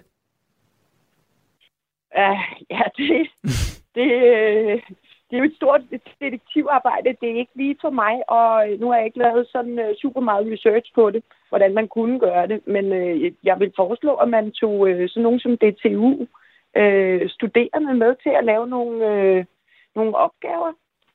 De går i skole i forvejen, og de er enormt kvikke til at udvikle alle mulige idéer. Og bare i det her radioprogram, synes jeg, der har været rigtig mange øh, bedre idéer, end at politiet skal finde så mange cykler ved at stoppe folk. Øh, jeg synes, det er fint nok, at de får en beføjelse til det, men jeg tror bare ikke på, at det er den måde, at øh, man kommer det til livs. Mm. Mette, tak fordi du vil være med i debatten her. Vi er ved at løbe ja, tør for tid. Tak. Og god, god dag derude. I lige måde, og øh, vi kan lige nå at komme til næste ved og sige goddag til dig, Daniel, på 51. Goddag, goddag. Synes du, at øh, politiet skal have lov til det her? Jeg synes, vi, vi tager andet forkert an. Ja. Øh, der er mange, jeg har hørt, der er rigtig mange gode øh, ting, som, som der er blevet nævnt her. Og det nemmeste, og det billigste, og det mest sikreste, det er øh, at få nummerplader på, sådan så at det går over på sikringen. Øh, fordi at det er meget nemmere at scanne øh, nummerplader. Det har politiet og, og andre steder øh, sat op, så det er ingen problemer. Øh, og det er helt klart det mest sikre øh, og nemmeste at gøre, både for politiet og for, for øh, os øh, lovlydige borgere. Det der med, med at få tips og, og tracking devices, ved du hvad, det kan, altså, de er... Men, men vil det ikke også være en kæmpe øvelse at udstyre alle Danmarks cykler med en lille nummerplade, for eksempel? Nå, men det har der jo på knaller der. Altså, det er jo bare, en, det er jo, det, er- det er en, en omkostning, ja, som der kan sættes for dem, som der vil have en, øh, altså det er jo også det der med, at en cykel, der koster 5, 10, 15, 20, 25.000, ikke? Altså, det er mange penge øh, for en enhed. Og, og så tror jeg godt, at man vil sige, okay, jeg vil godt give 500 kroner for at få kommet nummerplader på, for at, at have den ekstra sikkerhed. Så, det, så jeg ser det mere fremadsigtet. Øh, dem, der har lyst til at, at øh, beskytte sig mere, jamen, giv dem lov til det. Tak for, øh, tak for forslaget. Jamen, ved du hvad? Det er altid en glæde at få lov til at komme med her og, og ytre sig. Det er godt, og du må øh, altid ringe ind. Det må øh, alle på 72 30 44 44. Og øh, det må I altså også gerne på dagens sidste emne, som venter lige efter nyhederne. Der skal vi øh, snakke om dating, og helt konkret det fænomen, der bliver kaldt for ghosting, altså når øh, modparten, eller medparten, hvad man kan sige, i forholdet, lige pludselig går øh, helt i flyverskjul og ikke giver lyd fra sig, altså man ligesom er et- for et spøgelse og afslutter relationen ved slet ikke at svare eller ringe eller øh, gøre noget som helst. Det vi skal tale om, det er, om det er i orden og fuldstændig ignorere en, man ikke gider at ses længere, eller har man pligt til at sige det højt. Ring ind til mig, 72 30 44 44. Lytter til Ring til Radio 4. Din vært er Sylvester Guldberg Røn. En simpel, jeg er ikke interesseret besked fra fyren i baren ville have været på sin plads, men han skylder mig jo heller ikke noget. Eller gør han? Det spørgsmål stiller den studerende Simone Bergstrøm i et uh, debatindlæg i, politi i politikken. Hun oplever, at der i datingkulturen er opstået en tendens til, at man bare lader være med at svare en, man har datet eller skrevet med, hvis ikke man vil ses længere og ende relationen. Og spørger man hende, ja, så er det ikke ok. Det er helt i orden, at man ikke vil ses igen. Det kan der være mange gode grunde til, men respekt for hinanden, det burde indebære, at man i det mindste kommunikerer det, skriver hun. Og det her med at ignorere en øh, date eller en relation, det er altså det fænomen, man i datingverdenen kalder for ghosting. Ifølge ordbogen, så bliver det defineret som at afslutte en relation ved pludselig at forsvinde ud af modpartens liv, eller undlade at svare på henvendelser fra modparten. Og på den ene side, så kan man jo godt kalde det dårlig stil, at man ikke lige giver besked om, at man ikke vil ses længere. Det kan virke mere ærligt med en øh, direkte afvisning. Men på den anden side, så burde modparten måske også tolke et manglende svar som en afvisning. Så hvorfor overhovedet bruge tid på at skrive? Spørger man Tori Autumn, der er certificeret coach, så kan det i den moderne datingverden være helt okay at ghoste en person, der gang på gang for eksempel har været inkonsekvent i sin kommunikation, eller ikke vist reelt interesse for at ses med dig. Sådan siger hun til datingplatformen Tinder, hvor meget af det her ghosting også foregår. Men hvad mener du? Er det okay at ignorere eller ghoste en, man ikke længere gider at ses eller tale med? Eller har man øh, pligt til at sige det til vedkommende, hvis man ikke er interesseret, og man gerne vil afslutte relationen? Du kan være med i debatten på 72 30 44 44, eller sende mig en sms på 1424. Jeg vil gerne høre din holdning, uanset om du har prøvet det, eller aldrig nogensinde har hørt om det. Eller måske, hvis du øh, har lyst til at være så ærlig og sige, at du har ghostet nogen. Du kan altså øh, både ringe og sende mig sms'er. Radio 4. Ikke så forudsigeligt. Debatten her, den starter vi i øh, Svindinge hos dig, René Hansen på øh, 63. Hej med dig. Ja, hej så. René, er det okay at ignorere eller ghoste nogen, man ikke gider at ses med? Nej, det er det naturligvis ikke. Hvis man stopper en relation, så siger man selvfølgelig, øh, at man stopper den, og så kan man måske godt komme med en hvid løg om hvorfor, men, men det er ikke sådan, at man bare øh, pludselig forsvinder. Men hvorfor er det sådan en selvfølge? Altså, vi kan jo høre, at det åbenbart er, er et problem, at folk de, de gør det her mere og mere. Ja, altså jeg har prøvet lige at kigge lidt på internettet over det, og der er nogen, der, der mener, at, det, altså, at den, der ghoster, vil undgå personlig ubehag, øh, og, og så bare helt fuldstændig stopper det. Der synes jeg så, at vedkommende bør tage sig sammen og så lige uh, sige, at, altså, at vi stopper her. Men kan man ikke også sige, at et manglende svar, det måske kan være den mest direkte afvisning, at man måske måtte take the hint for at blive i sådan lidt øh, udlandske termer? Jo, det, det er så rigtigt nok, men så er vi jo inde i det der med, med, med stalking. Hvis man bliver stalket, ikke, så kan det jo være den sidste løsning, men ellers så i almindelige relationer, der, der, der siger man da, når det stopper. Det synes jeg, der er helt normalt. Har du selv øh, ignoreret nogen, du ikke gad at, at have en relation med øh, mere, eller måske mm. oplevet det omvendte? Nej, det har jeg ikke. Nej, og jeg er også så gammel, at øh, tilbage i, i jernalderen, øh, altså, hvor, hvor jeg havde det der, ikke? og hvor man så pludselig blev forelsket og så videre. Mm. Og ja, og når man stopper det, så siger man det. Men dengang, der var man jo også øje til øje. Der var jo ikke bare sådan noget øh, overfladisk øh, internet, hvor man skriver med hinanden. Mm. Tak for lige at sætte debatten i gang, René. Jeg vender øh, stærkt tilbage til dig. Senere på øh, sms'en der, der er en, der, det er Emil fra Sydfyn, der skriver, i forhold til ghosting, jeg mener, at voksne mennesker har ret til at være en idiot, men det er da kun, hvis man ghoster, øh, men det er da det, man er, hvis man ghoster nogen. Det er da kujonagtigt, skriver Emil. Jeg vil også rigtig gerne høre, hvad du tænker. Du kan både ringe og sende en sms. Du lytter til Ring til Radio 4. Ring til os på 72 30 44 44 eller send en sms til 14 24. 25-årige Simone Bergstrøm, hun havde været i byen med sine venner, hvor hun mødte en fyr, som hun talte med i timevis. Ude på natten, der udvekslede de forskellige sociale medier og, aftalt, øh, og en aftale om at mødes igen en dag. Men øh, dagen efter, så var der helt stille i den anden ende, og da Simone brugte ventetiden på at tjekke fyrens sociale medier, så opdagede hun, at hun var blevet slettet lige så hurtigt, som hun var tilføjet. Det er altså en historie, der udfolder sig i et debatindlæg i politikken. Og nu kan jeg sige velkommen i programmet til netop dig, Simone Bergstrøm. Hej. Du skriver egentlig selv sådan her i dit, i dit debatindlæg. En simpel, jeg er ikke interesseret alligevel besked, synes ikke at være en mulighed, men han skylder mig jo heller ikke noget. Eller gør han? Gør han det? Jamen, det er jo meget sjovt det der, fordi det på grund af, når jeg har øh, snakket med, øh, ja, sorry, primært mange af mine drengevenner, så har det været med den henblik på, at man skylder ikke noget. Og det, det synes jeg er...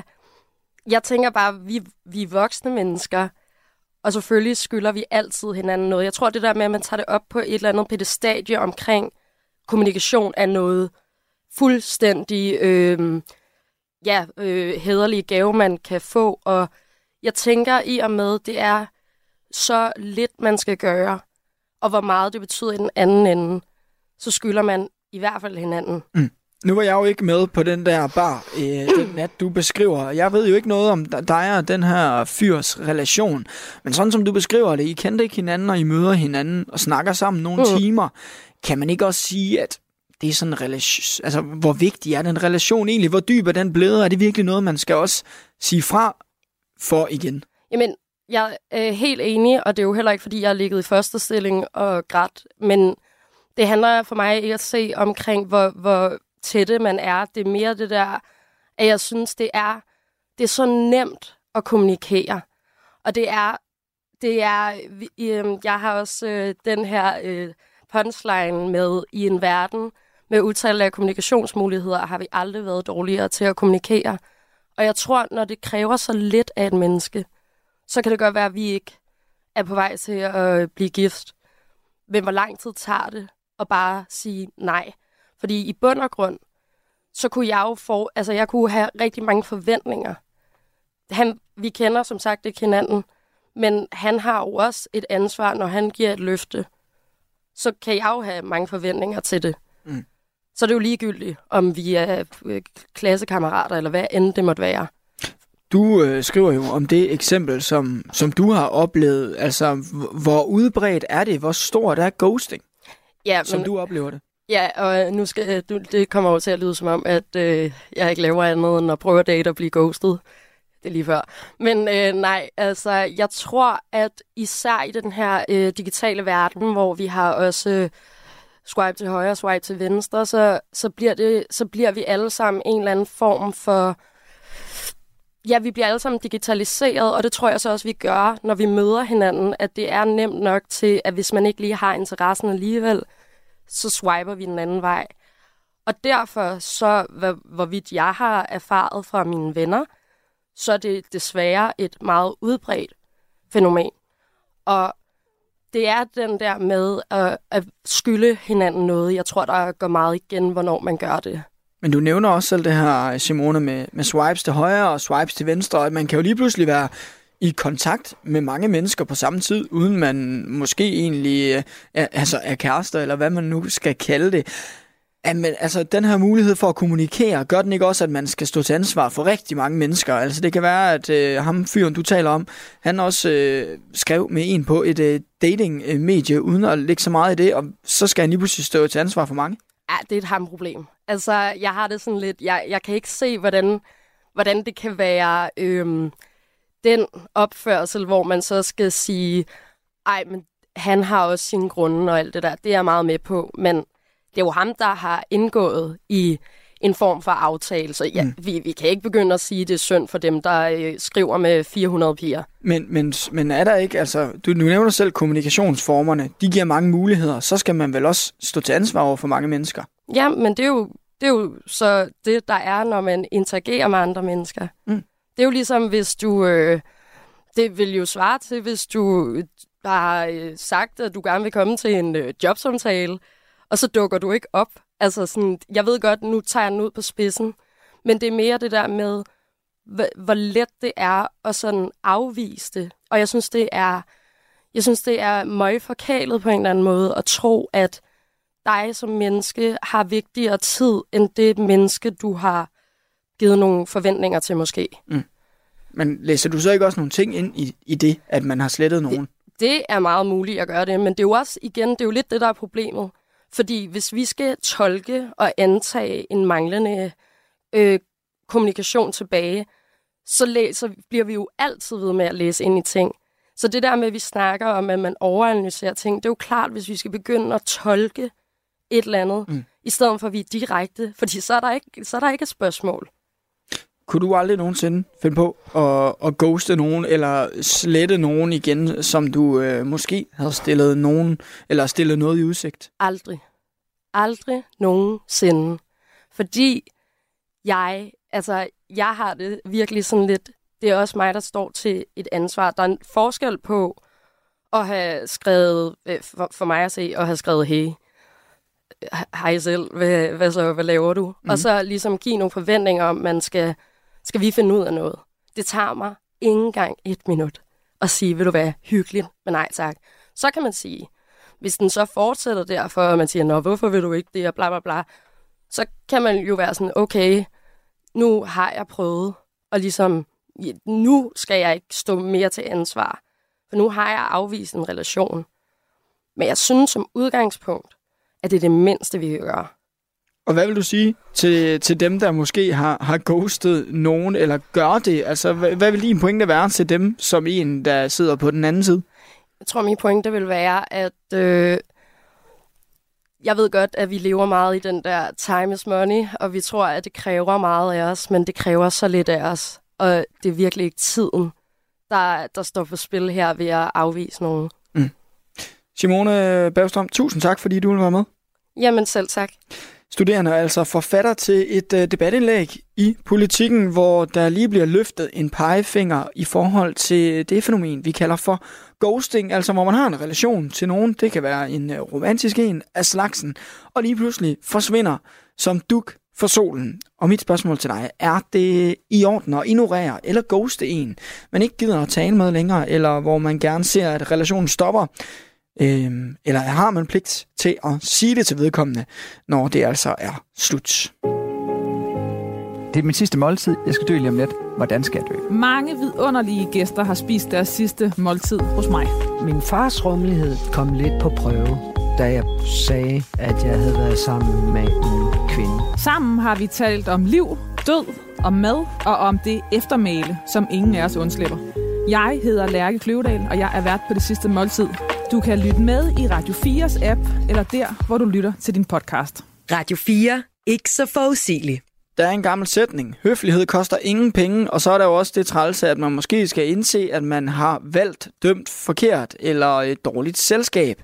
Sådan skriver Vibeke Andersen på øh, sms'en. Vi tager også øh, lige en tur til Humlebæk og siger goddag til dig, Niels, på 73. Ja, hej. Hej, er det okay at ghoste? Mm, nej, jeg synes ikke, det, det er okay. Jeg ved bare, jeg, jeg, jeg tror bare, at grunden til, at nogen gør det, det er simpelthen, fordi de er bange for at få spørgsmålet. Hvorfor? Okay. Altså, så skal du til at svare på det, ikke? Altså, du ved, hvorfor jeg er ikke god nok, eller hvad er der galt med mig, eller...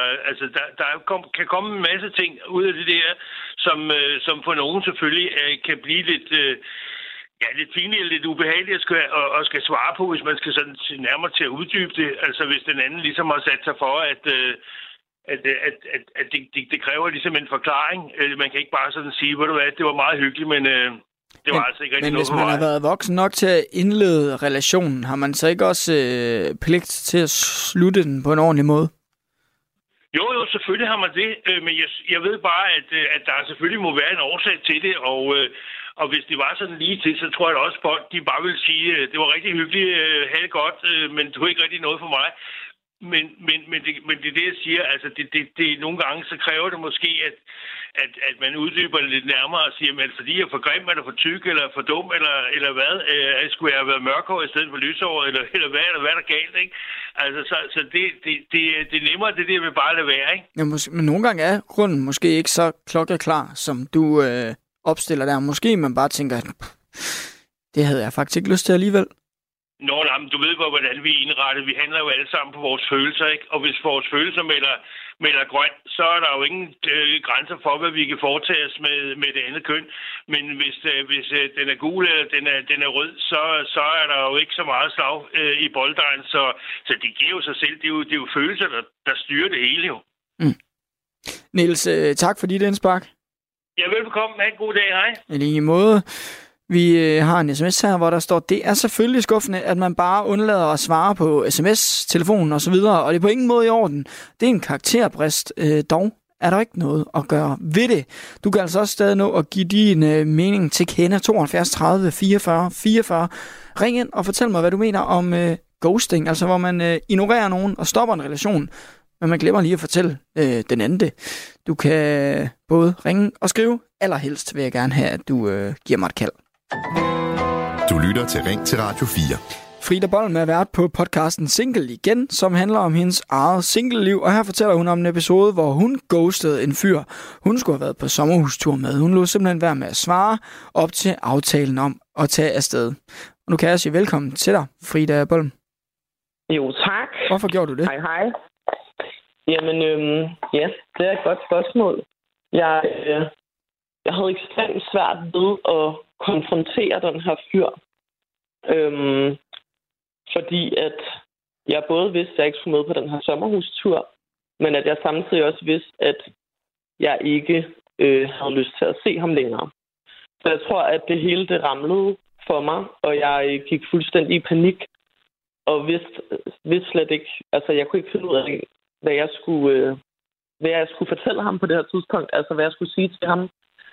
Øhm, og det var mega fejl gjort af mig, og ekstremt kujonagtigt. Øhm, og fortryder det også ekstremt meget i dag. Det var på ingen måde okay. Men, Nej, fordi det var øhm, nemlig det næste spørgsmål, om det er ok at, at ghoste, nu når du selv har gjort det. Nej, det synes jeg på ingen måde, det er. Absolut ikke. Mm. Øhm, at kunne jeg ændre på det, så, så havde jeg gjort det. Jeg ved godt, at det øh, ja, nok har øh, gjort ham rigtig ked af det, og såret ham en del, og det... Ja, Ja, jeg ved, du selv har øh, selv også har prøvet det den anden vej. Hvordan føles det? Det føles da bestemt ikke rart. Øhm, jeg vil sige, da jeg var yngre og øh, bevægede mig ud i den her dating jungle, der øhm, tog det meget hårdt på mig, når øh, ja, fyre, jeg enten havde skrevet med et stykke tid, pludselig holdt op med at svare mig, eller nogen, jeg måske endda havde datet en periode, lige pludselig bare ja, forsvandt ud af den blå luft. Øhm, der tror jeg, det ret hårdt. Men øhm, jeg vil sige, at i dag, der, øh, der har jeg lidt nemmere ved at komme ovenpå. Øhm, fordi at jeg ved, at det ikke handler om mig. Øhm, Hvordan tror du, vi kommer det til livs? Nu nævner du selv, at du er egentlig øh, meget principielt og stærkt er imod det, men at du alligevel følte dig så presset, at du selv kom til at gøre det. Ja. Men Hvordan vi skal komme det til livs, det er et rigtig godt spørgsmål. Øh, vi lever jo i den her brug og smid væk kultur, og det hele det kommer jo ja, af de sociale medier. Øhm, og det er blevet så nemt at lade være med at konfrontere og melde ud, fordi at ja, vi også bare sidder bag en skærm og egentlig ikke har det her menneske foran os. Øhm, så hvordan vi skal komme det til livs, det, øh, det ved jeg simpelthen ikke. Mm. Øh, med det samfund, vi lever i i dag, den måde kulturen er på. Øhm, Frida, men det er ærgerligt. det, det er ærgerligt. Det bliver, det bliver slutningen. Tak for det, Frida Bolm. Tak for snakken. Vært altså på øh, podcasten Single igen. På sms'en skriver Mia, hvad er der galt i høfligt at sige? Tror ikke lige, det er os. Det er da en ærlig snak. Øh, ja, et uh, tak for nu. Ha' det godt. Held og lykke med at finde den rigtige. Personligt synes jeg ikke om mænd med smykker. Og det fik jeg ikke ros for at sige, skriver øh, Mia. Og Edith skriver, det er uho- uhøfligt ikke at svare. Det er altså ok at sige, jeg synes, vi er for forskellige. Slut finale. Længere er den ikke. Vi når også lige en tur til København og siger goddag til dig, Linda, på 47. Ja, hej. Hvad, hvad tænker du, er det okay at ghoste? Nej, det synes jeg er ret barnligt, og jeg tror måske også, at det hænger sammen med, at, at vi har vendt os til at sidde bag en skærm og være, hvad hedder sådan, at vi kan gemme os bag en skærm på mange måder. Øh, så åbenbart er det her blevet et fænomen inden for datingverdenen. Det vidste jeg ikke, men øh, ja, jeg har jo bare skrevet en sms, og så ville jeg gerne høre mig. Jeg synes jo, at, øh, at som mange andre også har sagt, jeg er jo enig med dem, det, det mindste, man kan gøre, det er at sige, ved du hvad, jeg er ikke interesseret i mere kontakt, eller et mm. eller andet. En, en, en rigtig, det er som om folk ikke har lært det der med at sige fra, og hvis man siger fra, hvordan siger man så fra? Øh, det tror jeg måske er, er der, øh, humlen ligger. Folk ved ikke, hvordan de venligt og høfligt siger fra. De ved kun, når noget bliver virkelig grænseoverskridende. Øhm, man... Psykologen Heidi Salgren, hun har skrevet bogen Digital Kærlighed på nettet, og hun siger sådan her til BT, Altså, ghosting har jo altid fundet sted. Før i tiden, der ringede man bare ikke tilbage eller tog telefonen. Men der er ikke tvivl om, at øh, det ikke var på det her niveau. Er det ikke en pointe, at selv dengang de her dating-apps ikke eksisterede, og, og alle de her ja. forskellige ting, der, der eksisterede ghosting også, der kaldte man det måske bare noget andet? Ja, det gjorde det i hvert fald. Jo, det gjorde det jo nok. Altså, der har vel altid været nogen, der måske har været ret urimelige og, og, og kolder folk af på en, på en meget uvenlig og uhøflig øh, grov måde, helt sikkert. Mm. Men nu er det måske bare blevet nemmere, fordi det hele foregår på en telefon, som vi alle sammen har på os, og som vi så kan øh, sætte på lydløs, mm. og vi kan ignorere, og vi kan blokere, og vi kan alt muligt med de der kontakter. Linda, så måske det bare blevet nemmere. Linda, ja. tak fordi du vil tale med mig. Ja, selv tak. Vi skal nemlig også lige nå til Ty og sige goddag til dig, Karsten. Goddag, Sylvester. Er det ok at slutte en relation på den her måde med, med det, vi kalder ghosting? Øh, ja, et eller andet sted er det, fordi det er jo ikke en person, man har lyst til at have noget med, med at gøre. Men kan man ikke, kan man ikke godt jeg, behandle dem med respekt derfor alligevel? Jo, men altså, jeg er blevet kortet af mange gange, og det, ja, der er ikke noget at gøre. Sådan er det op på hesten igen. Man kan ikke gå og hænge os i de der små detaljer. Det er spild af liv. Mm. Det er bare med at komme videre. Men hvis man nu oplever, for eksempel, som, som Simone også sagde, hvis man oplever, at det her det er bare et fænomen, der bliver, flere, der det bliver mere og mere, og man kan godt øh, opleve det mange gange, bare en person, er det så ikke fair nok at råbe op og sige, fint nok, at det ikke lige skulle være os, kunne du ikke bare lige sige det? Nej, det, jo, det kunne, man, det kunne man nok godt, men det igen, det er jo åbenbart tidens trend, og det gør man ikke. Og, og ja, så er der jo egentlig ingen grund til at tærske mere langhalen på det. Mm. Men derfor kunne man vel godt begynde at gøre det? Jo, jo, men altså, øh, det behøver ikke nødvendigvis være et forhold eller noget. Det kan bare være, at vi sidder og snakker, og så siger du, nu er jeg sgu træt af ham, Carsten, ham gider jeg ikke mere. Og jamen, det er da okay, det er da dit valg, det har du da lov til. Mm. Det kan, det kan, det, jeg, jeg, jeg, kan, jeg synes, man skaber et problem. der ikke er der. Altså, Okay. for, folk, er på, folk er blevet for sarte. Jeg ved da godt, at folk har, har følelser med i, i, i, i det her med dating og alt muligt. Men nogle gange er de nok lidt for hurtige til at smide følelserne i. Og det er der, hvor den går galt. René, nu, nu stopper jeg vores relation, i hvert fald lige for nu, for vi skal videre. Tak for Det er snakken. bare i orden. Kan, kan du have en glædelig forjul? Ja, tak. Og i lige måde, vi skal nemlig lige forbi øh, René igen, vores øh, faste lytter i Svindinge. René, er du blevet lidt klogere på, hvorfor man kan forfalde til det her? Ja, jeg lagde særlig mærke til hende, der havde øh, fortrudt det ikke og fik dårlig samvittighed. Men det er jo så også igen et resultat af usikkerhed. Men jeg synes altså stadigvæk, at øh, ghosting er, er utilbørlig optræden. Og så vil jeg også sige, ja, altså IT og internettet har ikke bragt noget nyt. Kun bragt volumen, og, og det er derfor, der tales så meget om det nu. Så altså, det, jeg vil sige til dem, der er udsat for ghosting, er, glem det og kom videre. Men gjorde det ikke indtryk på dig, da, da vi hørte også fra Simone, som fortalte om den her rigtig dejlige aften med, med en fyr, hvor de havde simpelthen haft det så godt i flere timer, og de havde udvekslet det ene og det andet, og også snakket om at skulle måske drikke en øl mere en anden dag, og så lige pludselig så er den bare stendød. Så er man bare nærmest Jo, slettet men- fra jordens overflade. Ja, men det har så åbenbart været for, for øh, afstemning af forventningerne, der har været forkert. Ikke? Den ene har taget det meget alvorligt, og det har den anden ikke. Men er det helt urimeligt, at, hun, hun, at man forventer måske bare lige at, at få det fortalt og sagt højt? Ja, ja, altså selvfølgelig, hvis man ghost, eller, eller hvis man slutter relationen, så siger man det selvfølgelig, Mm. og kommer med en begrundelse. Men, det er, men som jeg har hørt dig, René, så er, er ghosting, det er ikke helt nyt. Det er også noget, øh, det, det, det, har, det har eksisteret i mange år, men der kaldte man det noget andet, eller hvad? Ja, ja, det, det, det har jo altid været der med, at øh, der, var en, der var en tidligere øh, lytter, der nævnte, øh, at lad, være med at svare telefonen, ikke? Og så, så jo, det, eller også hvis opgiver en forkert e-mailadresse eller sådan noget. Det, det har der engang for 20 år siden været ude for en, en kvinde, der skrev til mig og sagde tak for i går og så videre. Ikke? Og så må jeg pænt skrive tilbage til den. Der må være sket en fejltagelse, for det er, det er altså ikke mig, du snakker med. Mm. Er der tænkt på, øh, øh, altså, at det er en, der bevidst har gjort det, ikke bare for at komme væk, eller er det en fejltagelse? René, tusind tak, fordi du være med i vores øh, ghosting-debat. Jamen, selv tak da. Vi når nemlig ikke mere. Vi har også været vidt omkring. Vi har talt om pant på dåser syd for grænsen, om cykelteorier, altså om ghosting.